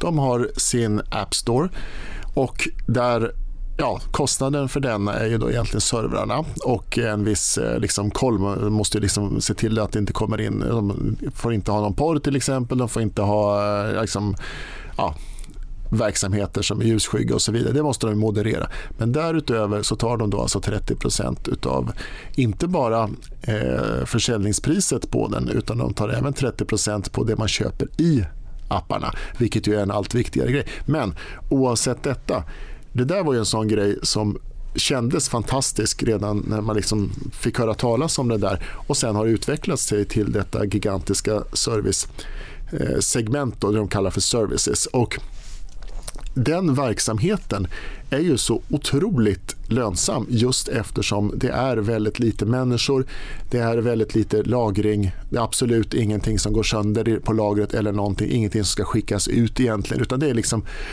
ja, serverparker och eh, ja, en fungerande infrastruktur och en viss moderering. Och Då blir det en helt annan lönsamhet. Och Ju mer Apple har gått över till att få en större och större del av omsättningen på det sättet desto högre har de ju värderats av marknaden också. Det är inte bara att man tjänar pengar utan menar, Apples lönsamhet nu växer ju inte alls, eller deras vinst och så växer ju inte alls på det sätt som de gjorde för ett antal år sedan när de inte alls var populära. Utan nu för tiden är det egentligen väldigt, väldigt säkra pengar. Liksom. Man ser det här är ju väldigt, väldigt lönsam verksamhet och det kommer ju inte någon att kunna rubba i närtid på något sätt. Och det är ju det liksom som jag tycker att man ska försöka leta mer och mer efter. För att det finns ju i alla branscher. Man kan säga, ja men taxi till exempel, hur kan, digitalt kan det vara? Du måste ju köra någon mellan två olika platser. Ja, men då har vi liksom de här olika tjänsterna där man bokar på nätet och att man hittar, ja men som Uber då, att man kan ha folk som kör nästan gratis och man kan skära emellan på allt det där. Och all, all, nästan alla verksamheter har ju mer eller mindre digitala inslag varav då vissa är helt eller nästan helt digitala. Och då också mest lönsamma. Mm. Jag tycker att det är intressant också. Jag menar, ta ett Tencent exempelvis. När jag var på en investerarresa i USA och träffade Electronic Arts finanschef så berättade han att i Kina, Tencent har ju vallgravar på ett annat sätt kanske. Där har de RevShare eller Revenue Share. Där tar de inte 30% utan där tar Tencent 70%. Och den som, det är den, sinnes. Det är sinnes. Den som skapar allt. Det är, det inte sunt heller. Nej, det är inte sunt. Men, men, men, men nå, någonting annat som är lite intressant här. Oh, jag menar ta gamingindustrin också med den här pandemin som har lett till att det är mycket, mycket större nedladdning av digitala spel. Det spelar ingen roll om du tappar ditt Playstation eller ditt eh, fysiska spel utan har du köpt det online, då har du det på ditt konto mm. och det bidrar med ett antal hundra punkter så som jag förstod. Jag ställde den här frågan, han lös upp som en sol och sen så ringde han och sa hörni, vi tror att vi sa för mycket, vi får sätta munkavle på er som, som satt i rummet där. Han lyste upp i alla fall. Men ett Zalando, för du sa att H&M är lite halvtråkigt, de kom in på börsen 74. Det har varit en fantastisk solskenshistoria och sen toppade de 3 mars 2015 på 368,50. Jobbigt sen dess. Du är sjuk Niklas. Ja, jag vet. Jag är en sjuk du är människa. Du är frisk människa någonstans. Nej. Men, men här är det så här, Zalando, jag, alltså jag, förstår, jag förstår att du tycker att kläder och det här kanske inte är det mest spännande, såklart. Men, men skulle du ändå kunna säga att de har uppnått någon form av plattformsstatus jo. när exempelvis H&M börjar sälja sina kläder där? Alltså det om något är väl ändå en fjäder i hatten? Ja men absolut, de har ju gjort en, ett fantastiskt arbete. Absolut. Sen jag är inte, eftersom det är så här, hade det inte funnits de här, som, som är då, nu tjatar jag om det här med digital, men hade det inte mm. funnits de här mycket mer lönsamma verksamheterna så skulle jag absolut vara intresserad. Men nu när de finns och man liksom ser potentialen. För menar, vi pratar ju inte om någonting, många liksom ser oj titta vad mycket det har gått upp. Titta på Embracer då till exempel som jag aldrig har ägt. Och, och 61 gånger pengarna nu sen de kom in 2016 november jag återkommer till det här att du är absurd. Jag, hade Wingefors i den här klassiska mörka och murriga studion. En helt brutal utveckling sen dess. Men och jag, vet, jag, jag, lyssnade på den efter att jag hade hört det var det Affärsvärlden som hade och sen gick jag tillbaka till den där. Jag vill, jag vill minnas att du eh, satt och ifrågasatte om det kunde fortsätta så här som det hade gjort och så vidare. Ja, men alltså, det är ju alltså, det, är det du sätter ju spiken på, eller spiken, hammaren på spiken Magnus. Spiken i kistan. ja men alltså det är ju, och, och, och det kanske ligger någonstans i vår natur att det är svårt att se skogen för alla träd. Det är svårt att liksom bryta loss och förstå att du kan inte titta på värderingen idag. Du måste kolla på den totala adresserbara marknaden i framtiden. Ta ett Amazon, det är också solskensexempel. De gick upp 10 gånger pengarna första året. Och orkade du hålla kvar och inte sålde så fick du väl 100 000 eh, procent till fram till här förra året. Jag tror att nu är det säkert 150 eller 200 000 för det går så snabbt på slutet med ränta på ränta-effekten det där är ju ett klassiskt misstag man bara måste sluta med. Du kan inte bara tro att, att det, det ska sluta växa. Det ligger Nej, inbakat det, i oss det, det, det är det också som man ser att om nu ska jag köra lite analytiker-bashing här då, mm. men, men eh, det är ju liksom så att analytiker påverkar ju väldigt mycket människors uppfattning om bolag. Och jag har liksom full förståelse för att de sitter i en svår position. De liksom måste ju leverera analyser, de måste, jag menar, deras bolag ska också liksom ha kunder som vill köpa aktier och sådana saker. Och de kan inte som, eh, som vi eh, som kör det här privat liksom bara nörda in oss på några få bolag för att de måste ju täcka många. Liksom så här, det är ju så. Men Dessvärre så blir det ju väldigt ofta så att de kör enligt sin, eh, sitt Excelblad där ja, har vi 50% tillväxt i år, ja, då ska jag vara lite generös, så blir det 40% om ett år, sen 30% och sen är de nere på 15% och du kan titta på hur många analy analyser av snabbväxande, oerhört framgångsrika bolag som har vuxit och ofta då bara växer snabbare och snabbare för de blir än mer dominanta.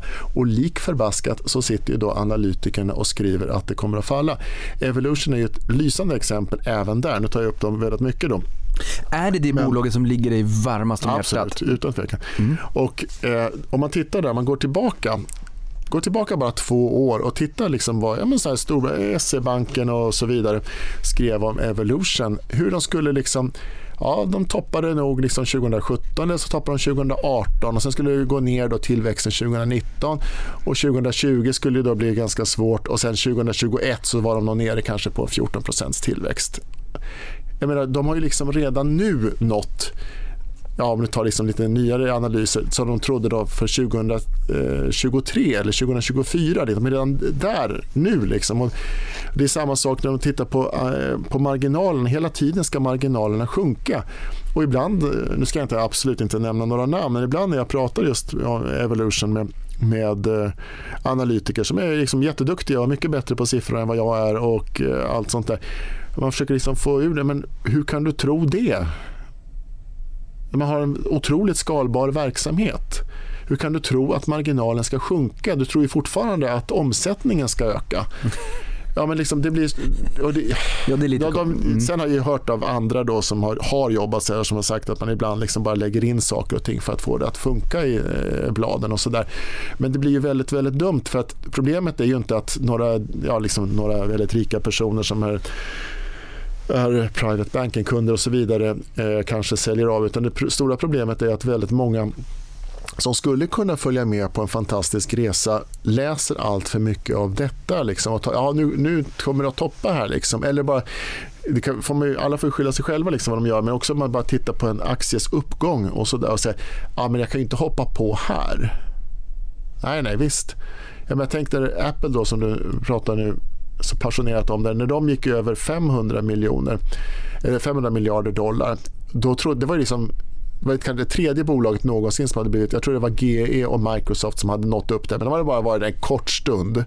Sen gått, och det var liksom så att folk trodde på fullaste allvar att det var någon, någon, någon form av tak där. Liksom. psykologiskt. Man, man, går upp där ett mm. tag och sen, när, sen var det då bara ganska, ja, ganska nära på, om jag minns rätt nu, 2013 och 20, ja, 2013 sen då när eh, Samsung låg på där och Apple rasade och så vidare. Då fick de liksom rätt, men de fick inte rätt särskilt länge alla de där som tyckte att ja, men det var ju klokt där att sälja då. Det blir egentligen förrförra aktien, det är två splittar, bara en sån sak sedan dess. Den, då, den aktien gick över 700 dollar.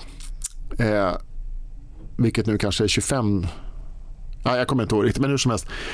Och man de som hade sålt där då var ju väldigt kaxiga och tyckte att de hade prickat toppen eller hyfsat toppen, översatt 10 procent. Och, och sen så kommer det bara om och det dubblas och det dubblas och det dubblas och vi pratar ju om världens största bolag.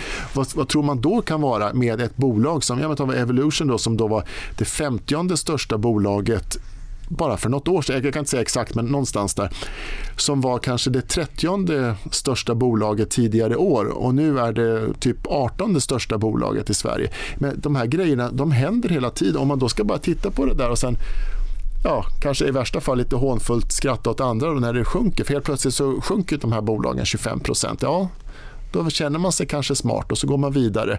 Och sen nästa gång man tittar, ja, då är den ju uppe 20% över vad tidigare topp, eh, toppen var. Och det är liksom ingen garanti eh, att för något bolag att det kommer att vara det, men jag kan ju vara helt säker om man bara har diverse så procentregler och så, för det är någonting som jag också gärna liksom vill, eh, vill eh, ja, liksom pusha och sådär. Har man uppfattning som så otroligt många har att jag ska inte ha mer än 10% i ett bolag, då gör man sig själv till ett, en fond egentligen. En fond då som inte får ha mer än 10% i ett bolag. Och då har du ju en ja, du bygger ju in en begränsning som är fruktansvärd för dig. Jag menar, fondförvaltare måste leva med det. Liksom, det, det är liksom part of business där. Men liksom för oss behöver det inte vara det. För en av de stora fördelarna som när man investerar privat eh, vad ska man säga, så här, en av de stora fördelarna som jag nämnde tidigare med att liksom vara intresserad av, av eh, aktier och investeringar det är att man kan tjäna pengar. Jag menar andra grejer så här, ja, som jag nu har tagit igång golfen efter lång frånvaro. Så här, det kostar ju en viss slant men det är väldigt liten. Eh, du kan ju aldrig tjäna några pengar på det för att eh, det går ju inte på något sätt. Och du kan ju ah, Samtidigt då så tar du inte på dig så stor risk. Men om man håller på med aktier då kan man ju tjäna väldigt mycket pengar på det. Men en annan grej som är väldigt intressant som skiljer det från absolut alla eller nästintill alla andra verksamheter det är att man kan slå proffsen för att du kan vara bättre. Det finns många, väldigt många av de privata investerare som jag har haft kontakt med, de är uppenbart bättre än proffsen. De slår index och det är liksom sopar banan med index pratar vi om ändå. För att det har du ju ingen chans med någonting. Du kan inte liksom, det spelar ingen roll hur mycket jag springer på golfbanan eller hur mycket tennis jag spelar. Jag har ingen chans att slå ett proffs. Jag menar, jag kan ju kanske slå ja, ett hål då om han slår i, i vattnet. Liksom, men du har ju ingen chans. Om du är liksom jätteintresserad av schack som nu har blivit så populärt. Och så här, det spelar ingen roll hur mycket schack du tränar. Du kan aldrig slå, inte ett enda parti kan du slå en stormästare. Inte en chans överhuvudtaget. Men det har man som privat investerare och det är totalt nonsens att man inte kan slå index. Det är liksom, jag förstår inte riktigt och många människor är nästan så religiöst troende i detta att det är någon form av du kan inte eh, liksom färdas snabbare än ljuset. Nej, det kan man inte. Men det är ju, det är ju naturlag. Här finns inga naturlagar. Och det, ingen skulle ifrågasätta att man inte kan gå sämre än index. Det vet ju. Liksom, det är hur enkelt som helst att gå sämre än index. Men självklart kan du slå index, du slå index över tid. Men då kan du inte lägga på det sådana här grejer som att ah, jag ska aldrig ha mer än och jag ens visste hur många som till exempel just med Apple och Evolution har haft liksom, ja, kontakt med mig eh, på Twitter då, med direktmeddelanden och har sagt att Nej, men nu säljer jag för jag vill aldrig gå över 12% i ett bolag. Och liksom, ja, men varför gör du det? Rapporterna på senare tid har bara blivit bättre och bättre. Hur kan du vilja sälja det? Som Peter Lynch säger, om du håller på att sälja de som går bra och behåller det, allt det som går dåligt eller till och med ökar det, det som går dåligt. Då klipper du, det är som att du är trädgårdsmästare som går runt där och klipper av blom, blommorna i rabatten och vattnar ogräset. För det är det du gör. Om du inte liksom ska, för du kommer alltid ha de där surdegen, du kommer alltid ha de som inte alls blev det som du trodde av dem. Och det måste ju kompenseras med de här bolagen som går riktigt, riktigt bra.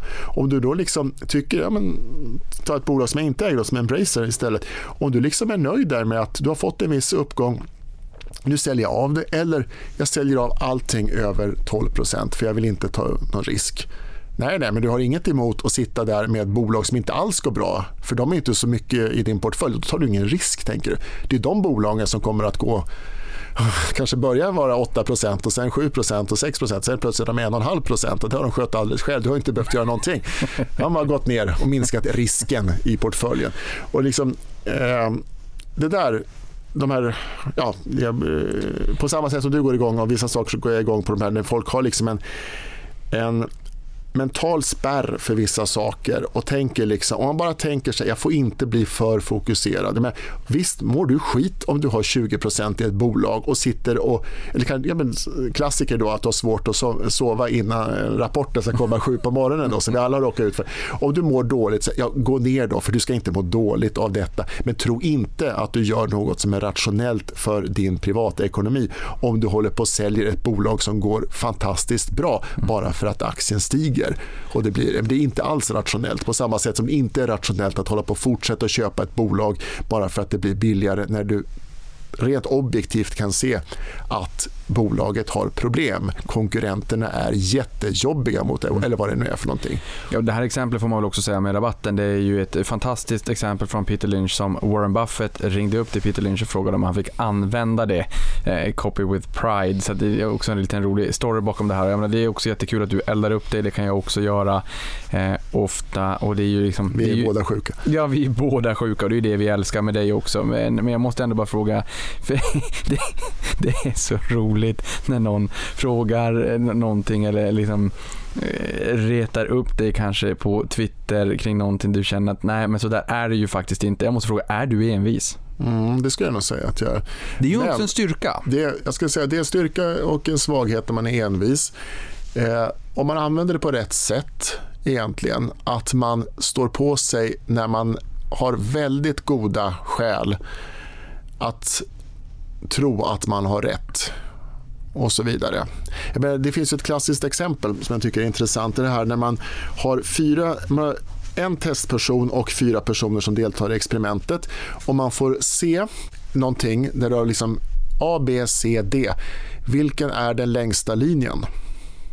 Och den här testpersonen vet ju inte om att de andra inte är testpersoner utan är elaka deltagare i experimentet. Och alla svarar att B är den längsta linjen när det i själva verket är tydligt, eller det är kanske inte löjligt tydligt men det är i alla fall man kan se att C är den längsta linjen.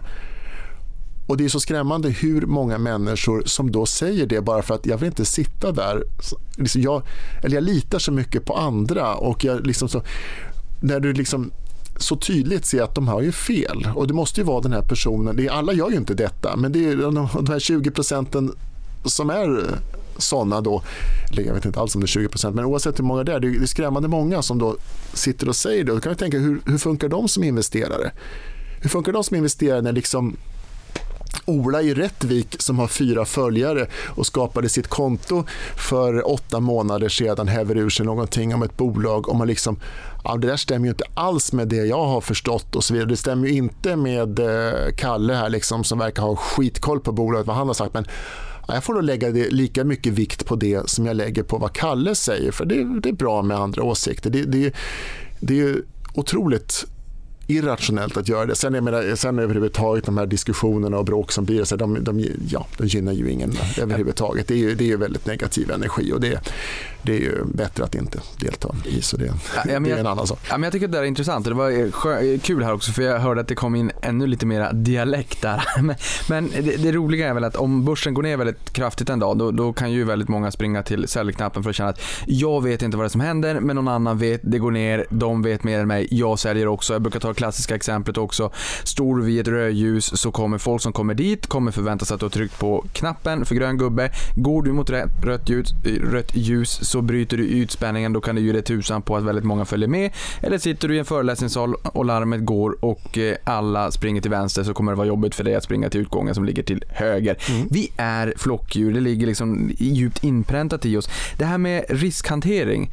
Eh, hur hur ser viktningen ut i, i portföljen då och när gör det ont? För jag menar, nysparar du, nysparar du så vet jag att då kan du köpa på det löpande hela tiden. Men är det inget nysparande, då ska du ju också försöka hoppa mellan, eller åtminstone vara, du behöver inte hoppa för du, det gör du ju inte, men då måste du ju verkligen eh, vara än mer konfident att du ligger rätt. För är det ett nysparande som jag har, då kan jag känna mig mer lugn i magen. Det spelar mig ingen roll om det går söderut, för då fortsätter jag bara fylla på. Men om vi, om vi börjar där, riskhantering, när gör det ont i magen på dig?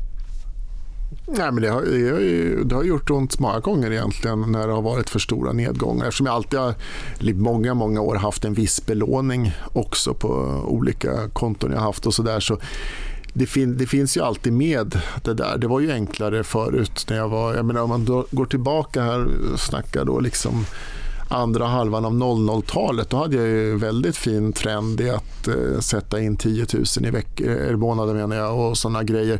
Och då, men ja, samtidigt så var det ju så lite pengar då och så det var liten portfölj och, och så där så det var ju det var ju också jobbigt, jag menar, då såg man det blev väldigt, väldigt lite pengar totalt. Men tänk liksom vid finanskrisen när det såg, såg som allra värst ut. Liksom. Det, var ju, då var det, ju liksom, det var ju också en eh, jobbig grej. Även om jag visste att jag, då tog jag liksom alla pengar. Så fort jag fick lön så eh, åkte det in på depån och sådär. Och, eh, Och som sagt, du är också sjuk människa så har Mm. jag klarat det är ju så.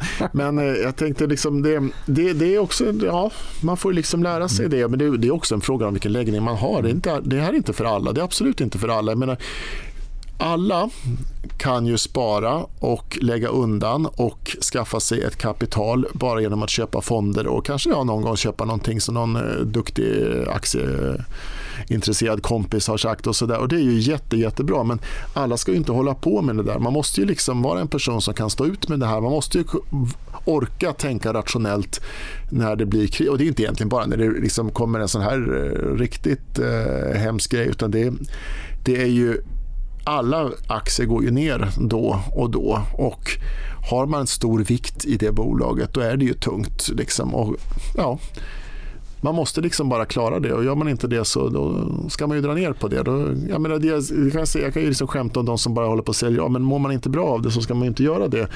Eh, ha för mycket heller. Men, eh, men ersätter du månadssparandet löpande? För har du något månadssparande idag? Nej, nej. nej. Ersätter du det med en aktiv Eh, strategi för hur, hur du nyttjar belåningen?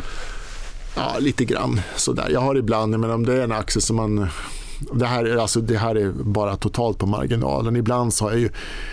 Ja, jag, ett sätt att må lite bättre kan ju vara att köpa mindre poster. Nu pratar vi alltså riktigt små poster och så där liksom 100 aktier här eller där och bara liksom tycka att ja, men nu har det stigit så mycket, nu kan jag lätta lite grann på det. Och nu har det sjunkit så mycket. Och det, det känns ju ofta bättre, men det kan ju vara väldigt lite. Men det kan ju vara som Tänk, ja, nu sjönk den där eh, Evolution och jag köpte lite aktier när den var där nere och nu säljer jag av dem och så hittar man det. Ja, det blev ju ändå liksom månadens utlägg på liksom mat och bostad. Och jag ska inte säga att det är liksom lite men liksom, det, ju, det, blir väldigt mycket tydligt på marginalen. Och jag menar det, bara för jag får mycket frågor om hur, ja, har du sålt av något nu när de går upp. Nej, det är liksom totalt minimalt men det kan vara ett bra tips att göra så här lite grann så man kan känna, ja, men sen liksom, du kan känna bara att ja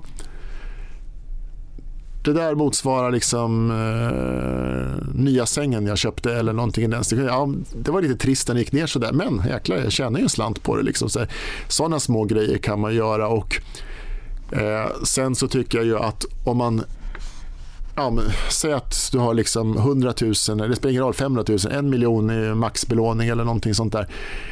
Det är ju inte liksom kanske så att man bör sitta med den total liksom maxbelånad hela tiden. Du kan ju det kan ju kännas ganska skönt att minska det för det blir också av med räntan på lånen och sådär och du blir av med risk. Det ska man inte alls ta lån. Men vissa gör ju ändå det där det blir lite riskfyllt. De har lite för mycket belåning och så. Det erbjuder även Avanza liksom goda möjligheter att låna och sen låna på de nya aktierna och låna igen och sådär.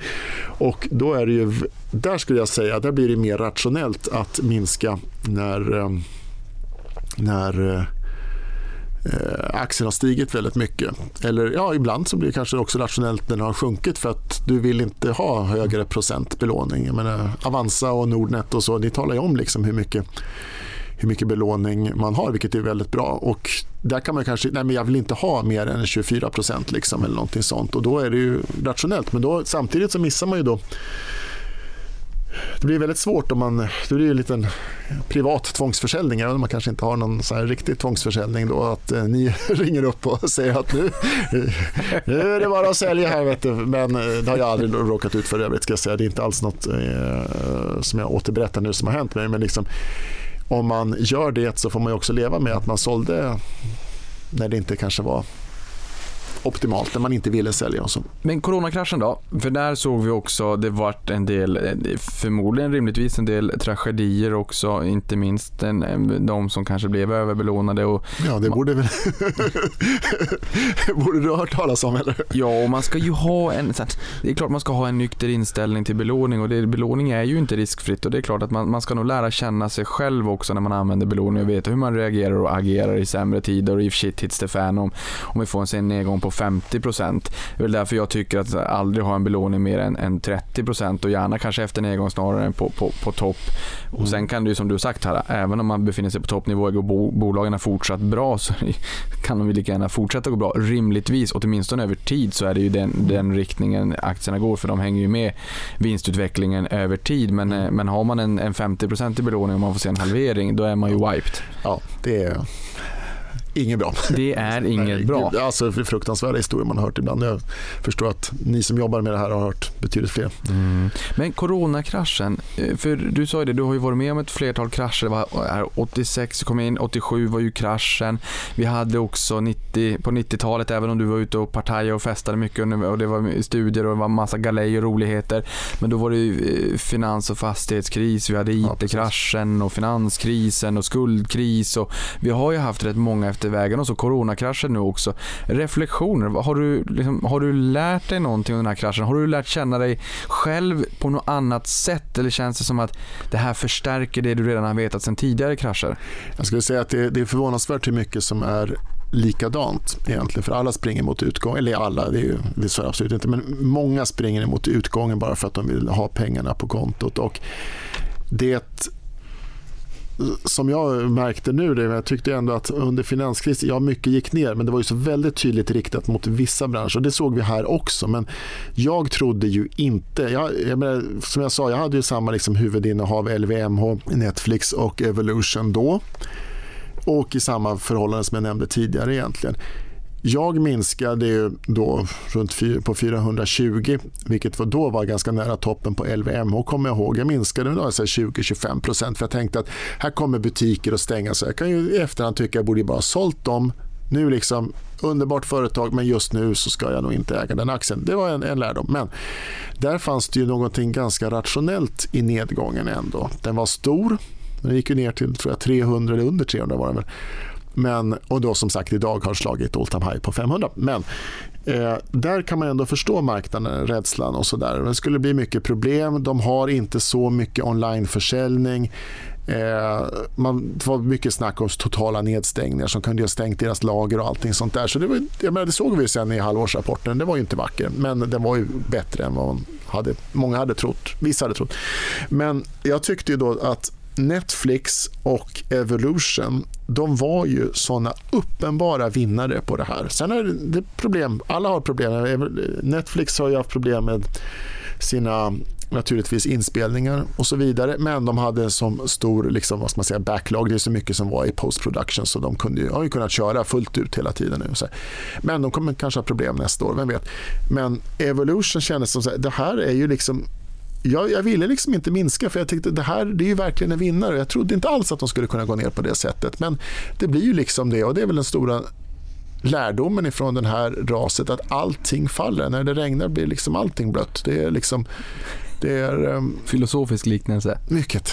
Nej då, men det är liksom det var, det var mer, men sen så när marknaden hade liksom blåst ut det så gick det ju då oerhört bra naturligtvis. Men liksom, det, det, är lite skrämmande där, för jag kommer ihåg när de fick tillfälligt stänga en av sina studior. Men hade det varit den enda studion de hade, då hade det varit helt rationellt. Och man visste inte hur länge de skulle... Det var i Georgien då, där de haft ganska lite smitta och därför har folk varit väldigt, väldigt rädda för det. Och liksom, de fick, liksom då, vad jag förstod, stänga bara på att en person hade blivit sjuk på jobbet. Liksom. Och då, ah, det är säkert corona, nu får ni bara stänga ner. Då fick ju marknaden totalt hicka när det hände. Liksom. Så här, men det, är ju inte rationellt på något sätt och där kände jag mig glad att kunna öka i alla fall lite grann med lånade pengar då, som sagt. För att det, var ju, det var ju löjligt. Jag menar, ja, det här blir störningar men om man vet hur verksamheten funkar, att man kan styra trafik ifrån de många andra studior som man har och spel, spelandet kommer att ske och det kommer att ske mer än någonsin. Folk älskar ju liksom att, eller älskar ska man säga, väldigt många människor älskar eh, kasinospel och har det liksom som eh, så här lite guilty pleasure. Och sitter man då helt plötsligt mycket mer hemma, det kan ju vem som helst räkna ut att det kommer att bli mer spelande. Och är det här favoritspelet jag brukar spela, är det stängt nu? Låter jag bli att spela då? Nej, det är klart att man inte gör. Det kan ju vem som helst förstå att då går man på någonting annat. Och är man den stora jättedominanten då går man förmodligen till något annat av deras spel som ligger uppe där. Du kan bara klicka över till det i deras lobby väldigt enkelt. Och när man läste mångas kommentarer där så var det nu kommer det liksom fullständigt och, och liksom även väldigt erfarna analytiker och så här, så mycket, ja, men hur, många, hur många av borden är det man har fått stänga? Men det är inte ett rationellt, det är inte ett riktigt mått på deras verksamhet. Det är inte så. Det är inte som om du har liksom en butik i tio städer och hälften av dem får stänga för att det är för långt att åka dit. Det är bara ett klick bort Det är det som är liksom fin, det fina med den här verksamheten. Det måste jag säga, det var väldigt förvånande att det kunde gå så pass långt. Hade man haft en aning om det, jäklar vad man hade kunnat tjäna på att bara sälja av allting när man såg hur Kina exporterade en massa smitta till världen. Jag skulle, hade man varit helt, liksom, hade man haft större förståelse, det hade man bara sålt allting. Och sen eh, missar de tio nedersta procenten som går upp, men sen hoppar man in och sen tjoff är det upp 100 procent. Ja, och här har vi ju sett många bolag stiga väldigt dramatiskt. Jag vet, jag kollade på det här igår och där såg jag att 15,5 procent, det var sjätte bolag på Stockholmsbörsen, alla 386 aktier. Alltså vart sjätte bolag är upp minst 50 procent sen årsskiftet. Nu pratar vi inte botten 16 mars utan sen årsskiftet. Vem hade kunnat tro det ett, ett så dramatiskt år som det här? Och väldigt många säljer bort sig. Jag vet att du också har investerat i Härnö Gin och det är ju onoterat. Är det här liksom bara av den anledningen att du intresserade dig för det här eller tycker du att det är intressant att, att approchera bolag i en onoterad miljö också vid sidan av de noterade trion primärt som du har i portföljen? Ja, det, är, det 2017 på våren som eh, jag först fick höra av en kompis att eh, om det här. Liksom. Jag tyckte det lät konstigt med svenskt gin och så vidare. Men han var väldigt ginintresserad och han hade hört en annan som hade varit i London och blivit tipsad utan att de visste att han var svensk den här killen då om ja, här nu det är väldigt bra, de har vunnit mer priser än någon annan och så vidare. Det började egentligen i den och jag har alltid tyckt om gin och sådär och jag hade aldrig hört talas om. Nu liksom känner alla till och de finns ju på var och varannan restauranger i Stockholm och pubbar och allting. Och så här. Men liksom, om man bara går tillbaka tre och ett halvt år i tiden så var det ju inte så. Och eh, jag kan säga att jag köpte ju absolut inte, min kompis där han köpte i nyemissionen då som var 2017 för att han tyckte det var en kul grej. Jag har nog aldrig köpt en aktie för att det var en kul grej. Men gör man det då sitter man med värdelösa Mackmyra och sådana där grejer. Liksom, det är en kul grej. De säger, de, de säger själva att det var en kul grej att starta företaget. En mindre kul grej för ägarna tror jag. Men Eh, nej, alltså jag är otroligt imponerad av det företaget. Jag har besökt dem flera gånger och jag, jag pratar mycket med vd-grundaren då, som är en väldigt passionerad man.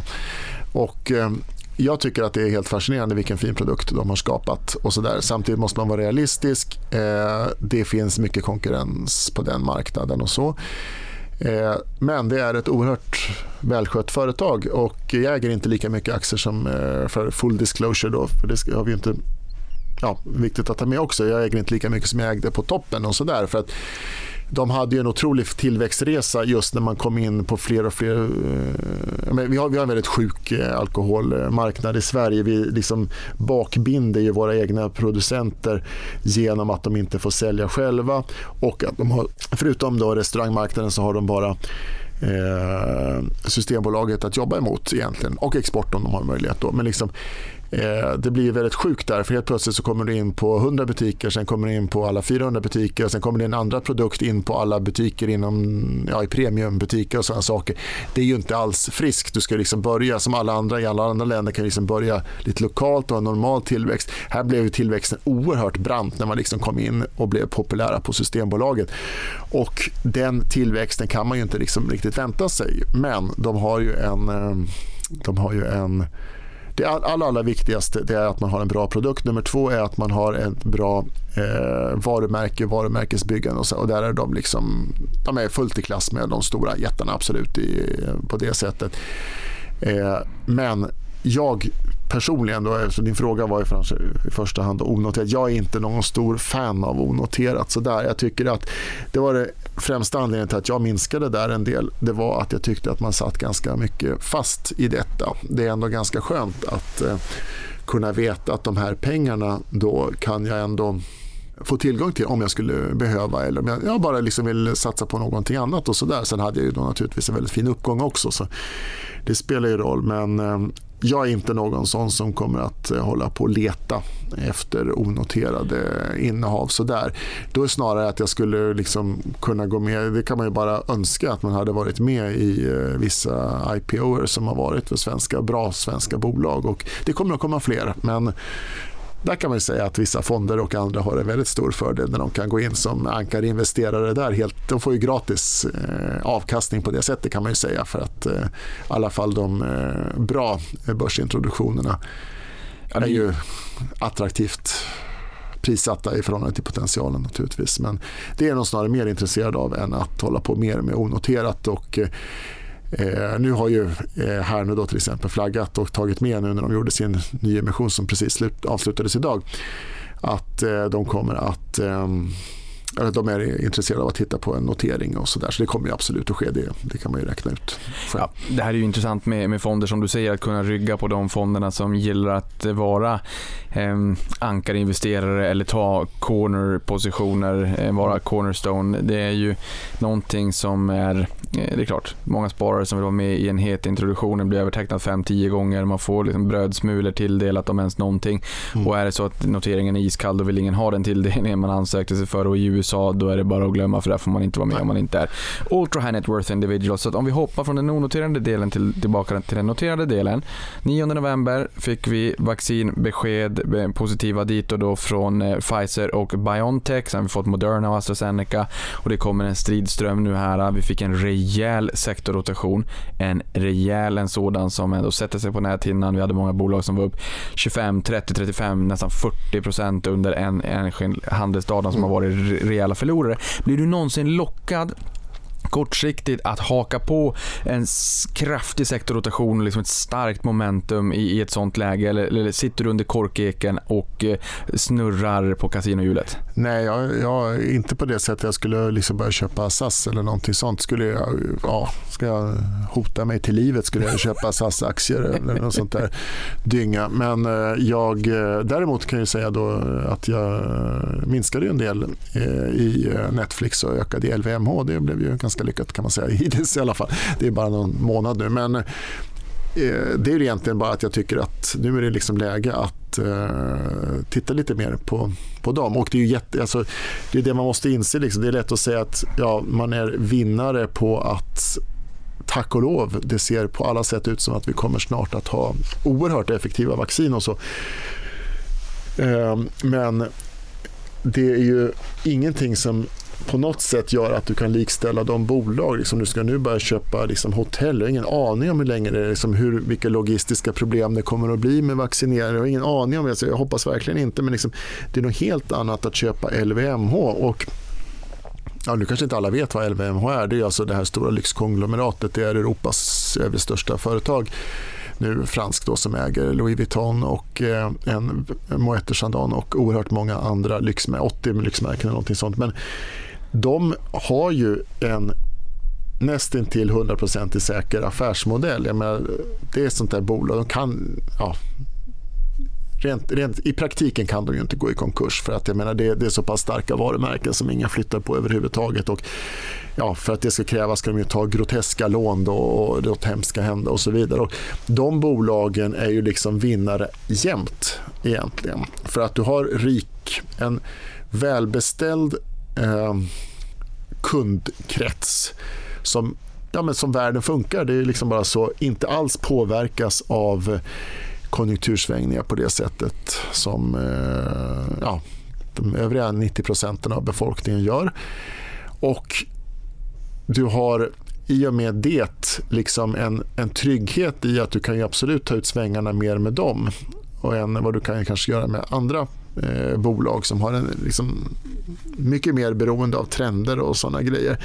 Men där kändes det liksom som en ganska no-brainer att eh, kunna öka där. Och jag har liksom funderat på om jag kanske ska öka mer eh, i det bolaget just för att eh, ja, man får, i, ja, man säger om börsen går upp eh, strax under 10% du får alltså över tid kanske då 20% eller mer i LVMH. Det är ju liksom oerhört värdefullt.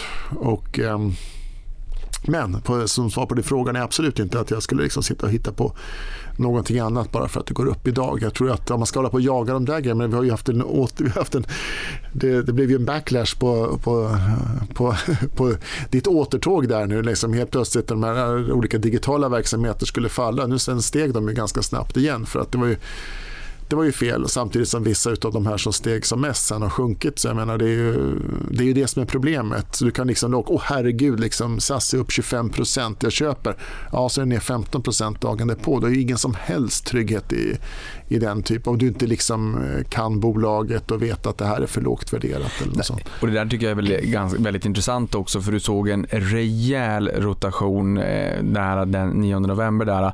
Men också vart efter månaden led så vart det ju så att de relativa vinnarna under pandemin som blev sektorrotationens förlorare, där tyckte spararna hos oss att pendeln slog för långt tillbaka åt mm. andra hållet. Så att ett Embracer blev månadens mest köpta aktier. Vi såg eh, att antalet aktieägare steg 40% i Embracer som också tappade en fjärdedel av sitt börsvärde under november som värst då mm. under pandemin. Och vi såg Evolution då eh, vara på plats nummer två bland de mest eh, köpta aktierna då under månaden. Så som du säger, man, man, man eh, gick helt enkelt tillbaka. Rotationen gick lite för långt. Förutom på Twitter här, Nemcap och Finansamir som du nämnde här tidigare, men har du någon bok eller person person som har inspirerat dig? Ja, jag skulle säga att om man... Om jag, jag tror att de allra flesta av dina lyssnare har läst många av de här böckerna. Så jag ska säga att en bok som jag tyckte var väldigt intressant den kom, det var ju The Snowball om eh, Warren Buffett. Det tycker jag är bra. Jag tycker Peter Lynchs två böcker, One Up on Wall Street och Beat in the Street. Eh, nej men de är sådana där böcker som om man liksom är ganska ny eller, ja, eller bara inte har läst dem, jag menar, läs dem och eh, ta till sig utav dem. Sen, ja, jag vet inte, det är så svårt att hitta. Det finns jättemånga och det går ju ganska lätt att hitta på Twitter vilka som är bra för de har ofta fler följare. Men det, det, det, är, ju, det är ganska naturligt att det är på det sättet. Sen menar jag inte att alla som har många följare nödvändigtvis är duktiga men de allra, allra flesta som har det är duktiga. Sen finns det ju pärlor bland dem som inte alls har mycket följare och, men då är det snarare för att de skriver så pass lite. Men de blir de här personerna, jag menar sådana här kloka människor som pratar väldigt mycket mindre än du och jag men när de säger någonting så blir det väldigt viktigt och mm. då har man alla anledning att lyssna. Eh, men sen kan jag säga överhuvudtaget så är det liksom bra om man, eftersom allting handlar väldigt mycket om Twitter och sådär, att man liksom söker upp, man kan ju bilda grupper så privata grupper också på Twitter och om man är, ja, säger att man är liksom jätteintresserad av Sinch då, eller vad som helst. Jag menar, ta kontakt med, eh, det finns säkert en Sinch-grupp för att jag inte är en del av det där, men liksom, det finns säkert många. Men liksom, sök upp de här eh, liksom, som, eh, som är duktiga, som du litar på och så och eh, försök liksom ha kontakt med dem. Det är väl ett jättebra tips för alla egentligen. Det är, sen är det ju liksom det är bara naturligt att man kanske inte blir med i eh, den typen av grupper om man inte har liksom ett track record eller är aktiv eller sådana grejer. Det kan ju vara så liksom, och då, då är det bara på det viset. Men, men eh, man ska, man ska liksom försöka inspirera sig inspireras ska jag säga, av de som eh, man beundrar, de som är duktiga och sådär. Det är, liksom, det är kanske en klyscha men det, det är egentligen, man ska verkligen sålla ut dem som man eh, litar på. Försöka ha kontakt, om de är intresserade av att ha kontakt. Annars får man bara lyssna på och läsa vad de skriver och sådär. Och eh, sålla bort det som inte är så intressanta egentligen. Och, eh, det finns väldigt, väldigt mycket som är gratis. Men sen är det också så att det finns det som inte är gratis. man ska inte vara rädd för att eh, betala för det. Jag, eh, många år nu prenumererat till exempel på Financial Times då, digital prenumeration och Wall Street Journal. Och Det kostar en slant, det kostar några tusen per år att göra det men du får ju så otroligt mycket eh, värdefull information på det sättet. För att, menar, det finns en anledning att det kostar så mycket. Det är att nivån är liksom så, den är ju liksom, ja, världsklass på alla sätt och vis. Eh, och eh, Man ska inte vara rädd för att göra det tror jag. Och, eh, eh, överhuvudtaget om det finns liksom några tjänster och sådana saker som kostar lite grann. Jag, jag har bara goda erfarenheter av det. Och Sen om man bara känner att nej, nu, jag tycker inte riktigt det är liksom, eh, ja, price reward och och så vidare på det här. Det är bara att säga upp det. Menar, det, är, det är väldigt enkelt. Men om man bara ska liksom absolut allting måste vara gratis bara för att det finns så mycket på nätet, då tror jag man missar en hel del. Jag vet, det är svårt att veta exakt om man har lärt sig av olika källor men jag är absolut idag en bättre investerare för att jag har prenumererat. Och nu är jag även på Dagens Industri och så. Och det, det är eh, man gör sig själv en otjänst om man ska spara några tusenlappar. när man, om man nu tänker sig att man har en depå som är ja, sexsiffrig och du pratar om liksom någon fyrsiffrig eh, årlig kostnad. Liksom det, ja, oavsett var man ligger på de där skalorna, det blir liksom inte rationellt att eh, inte vilja lägga några pengar och sådär. eh, jag tycker nog att förutom de här böckerna som jag nämnde nu och några till så är det allra mesta information jag har fått det har varit eh, på, från tidningen egentligen. Och att man, man får bakgrunden och så på ett helt annat sätt. Man får eh, intressanta krönikor, vad som helst liksom, om man bara är beredd att betala lite för det. Ja, jag kan väl bara instämma. Jag har alla tre och eh, du har tagit en del klassiska citat. Nu är det min, mitt eh, tillfälle här att bjuda upp till dans och då säger jag priser vad du betalar och värde vad du får. Eh, det funkar alltid. Det, det, det, det, spelar ingen roll vad det handlar om. Det, det stämmer så bra. Så. Tiden går fort när man har roligt. Tre korta frågor, de sista avslutande. Vilka är de största misstagen som du har gjort? Diamyd. Oh, 2011, 85% i öppningskolen. Jajamän. Enda kreditförlusten Avanza någonsin har gjort. ja, det, det, var oerhört lärorikt och det var bara små pengar för min del. Det var till och med små pengar på den tiden. Det, var, eh, det såg ju oerhört bra ut. Och det gjorde, det tråkiga med, jag hade ju liksom Eh, som sagt, det var inte någon stor grej men jag hade en kollega som satt med en eh, rejäl stek där och åkte på en rejäl smäll. Det som var lite tråkigt med det var att det höll mig helt borta ifrån eh, biotech, men hela här medicingrejen och så att det kändes som att det var allt för stora risker. Det som var bra med det var ju att jag fick en eh, påminnelse om hur svårt det är att investera i något som du inte har den här riktiga kunskapen om, där du bara måste lära läsa till det. Om man håller på med Evolution till exempel, då är det bara att gå in på Leo Vegas eller vilken operatör som helst och testa deras spel.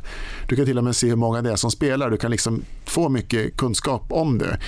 Eh, du kan, om du, liksom Netflix är väldigt, väldigt enkelt att se om det är en bra tjänst, om det står sig mot andra och så vidare. Men de här grejerna där du inte har den här riktiga kunskapen. Du måste bara läsa, du måste bara lita på andra och så vidare. Och nu är det intressant att Diamid finns ju fortfarande kvar och de kämpar ju fortfarande med sitt vaccin och kanske blir det jättebra en dag. Men det, det var ju en jobbig grej. Vad mer har svidit? Leo Vegas drog iväg mer än vad som var... Eh, ja, men nu, ja, nu kommer jag ihåg bättre. Leo Vegas drog är ju ett jättebra företag, ingen snack om det. De är jätteduktiga på att eh, skaffa kunder och behålla kunder och sådana saker. Men där så blev det ju dessvärre en eh, så här väldig eh, eufori på marknaden. Liksom att man tänkte att det bara skulle kunna dra ut och fortsätta och sådär. Och jag tror att det hade gått jättebra om de inte hade satsat så mycket i England. Men det är sådana saker som man eh, liksom måste vara beredd på att det kommer att ske. Det plötsligt så blir det förvärv och två samtidigt var det och sådär och sen simultant med det så blev det nedslag på compliance och grejer i England. Det blev ju väldigt, väldigt dåligt får man säga.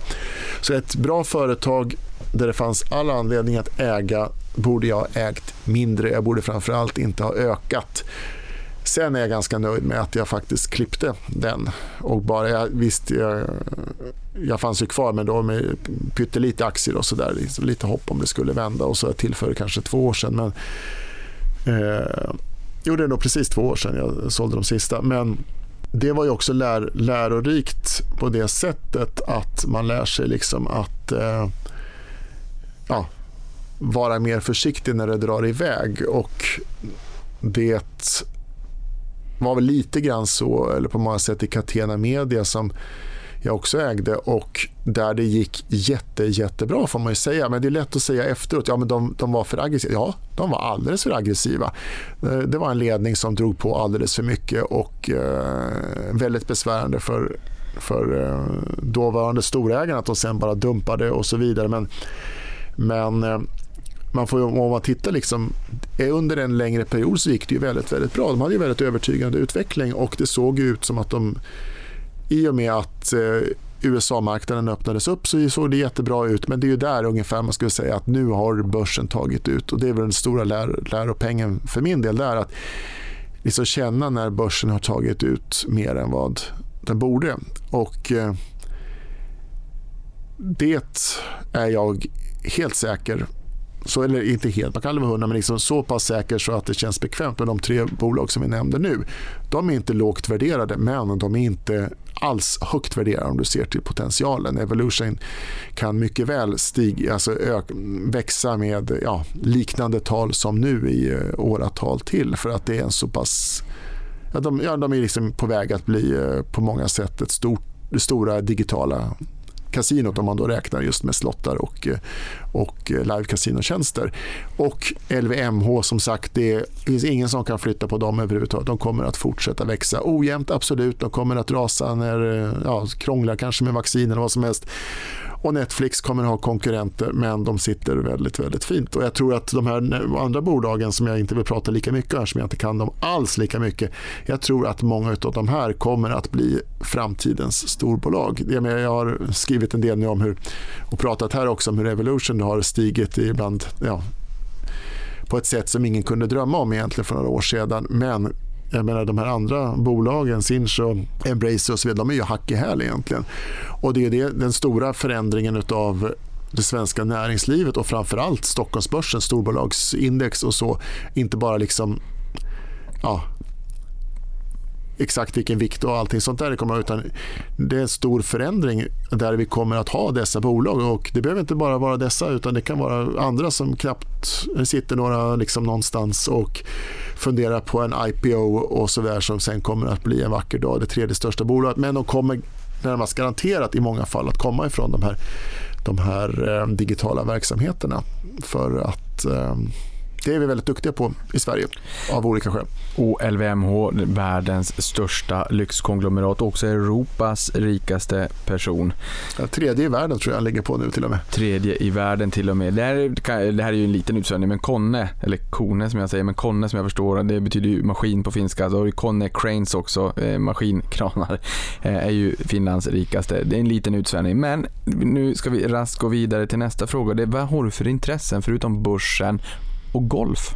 Ja, familjen är ju naturligtvis det eh, största. Men det glädjer mig att höra. Där, därutöver så jag har jag spelat en del tennis och så där. Jag tycker väldigt mycket om att bygga. Kanske någon som följer mig på, på Twitter då. Eh, kan ju säga att jag tycker om att, eh, nu går jag dessutom, nu, jag gjorde en paus men jag går en eh, möbelsnickarkurs nu och så där. jag tycker det är väldigt intressant med eh, trä och eh, jag håller på byggt mycket hemma och på landet och, och så där tycker jag är väldigt rogivande och eh, trevligt att hålla på med överhuvudtaget. Ehm, men det är väl det. Kul. Du, ja, kan du koppla av när du är på landet i stugan? Ja, oh ja, oh ja. Det är, det är väldigt, väldigt bra. Det kan jag verkligen också rekommendera om man liksom kan ha som mål eller att man liksom ska fundera om man har möjlighet och så. Att man försöker vara någon annanstans och så där. Om man just är väldigt mycket inne på det här eh, liksom med att investera. För att det är ju liksom så, jag kommer jag sa till någon nyligen där att äga, återigen då Evolution, bara som exempel då, alltså att, att äga en sån aktie som rör sig mycket och så vidare, det är ju liksom plågsamt i väldigt stor utsträckning.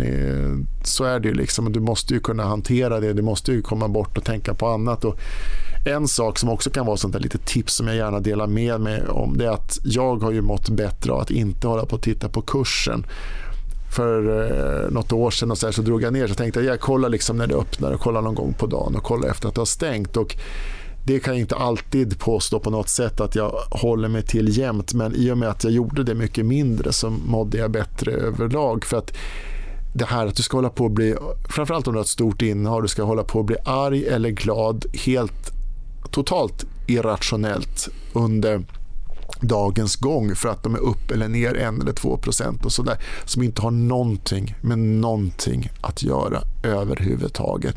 Någon skriver någonting eller det finns inte ens något skäl. Det bara går ner för att ja, den går ner idag någon har sålt någonstans. Liksom och, och, sådär. och det ska man ju försöka hålla sig borta så mycket som möjligt. Jag menar egentligen så vore det ganska skönt om man kunde ha en avstängningsknapp så du kan inte få reda på kursen förrän på lördag. Då kan du kolla om det gick upp eller ner i veckan. Det skulle ju vara det absolut bästa. Men jag, ja, det låter bra. Jag tror att det är Israel som, har, som håller börsen öppet på, på lördagar. De är också rätt duktiga på tech. Sista frågan. På Twitter så hittar man dig under handlet Lou Mannheim. Vart kommer nicket ifrån och varför är det en ödla? Low underscore Mannheimer. Exakt. Eh, ödlan var ju mer att när jag startade företag då så ville jag ha någonting. Så hittade jag en rätt kul salamander på nätet som jag stal och eh, ja, det är Gröna Salamandern då som jag har som bolag. Då. Men eh, eh Lou Mannheim, det är ju, han, är, han har liksom inte fått den här kultstatusen då bland de olika figurerna i Wall, ursprungligen och naturligtvis Wall Street-filmen där. Han är ju den här gamle kloke då eh, som då och då tar tag i Bud Fox där och säger att eh, stick to the fundamentals kid, eh, that's how Hilton was built och så här säger han då liksom att det här är de bra företagen, det här liksom, det där andra det är bara något som som är hett just nu, det har ingen substans och så vidare. Så det, jag blev lite inspirerad av honom då utav, utav men det är roligt för att det är absolut ingen någonsin som eh, har eh, lagt märke till honom i filmen. Alla har bara undrat vad tusan heter du sådär för på, på Twitter. Det, ja. det är bra, vi gillar ju storytelling och tittar man på den där och man ser Gordon Gecko på hans kontor så ser man också tavlan i bakgrunden med Tulip Mania och den är också mm. rätt fantastiska storyn med eh, tulpanmanin som, som eh, bröt ihop fullständigt 1637. Men det är länge sedan. Lite fing över det hela. Lite fing över det hela. Det får bli blir de sista avslutande orden. Magnus, tusen tack för att du kom till podden.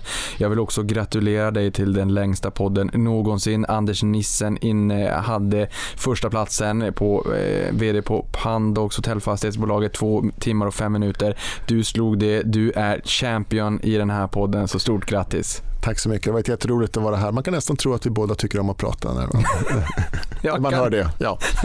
man kan nästan tro det. Och tusen tack till dig också som har lyssnat på podden. Vi hörs snart igen.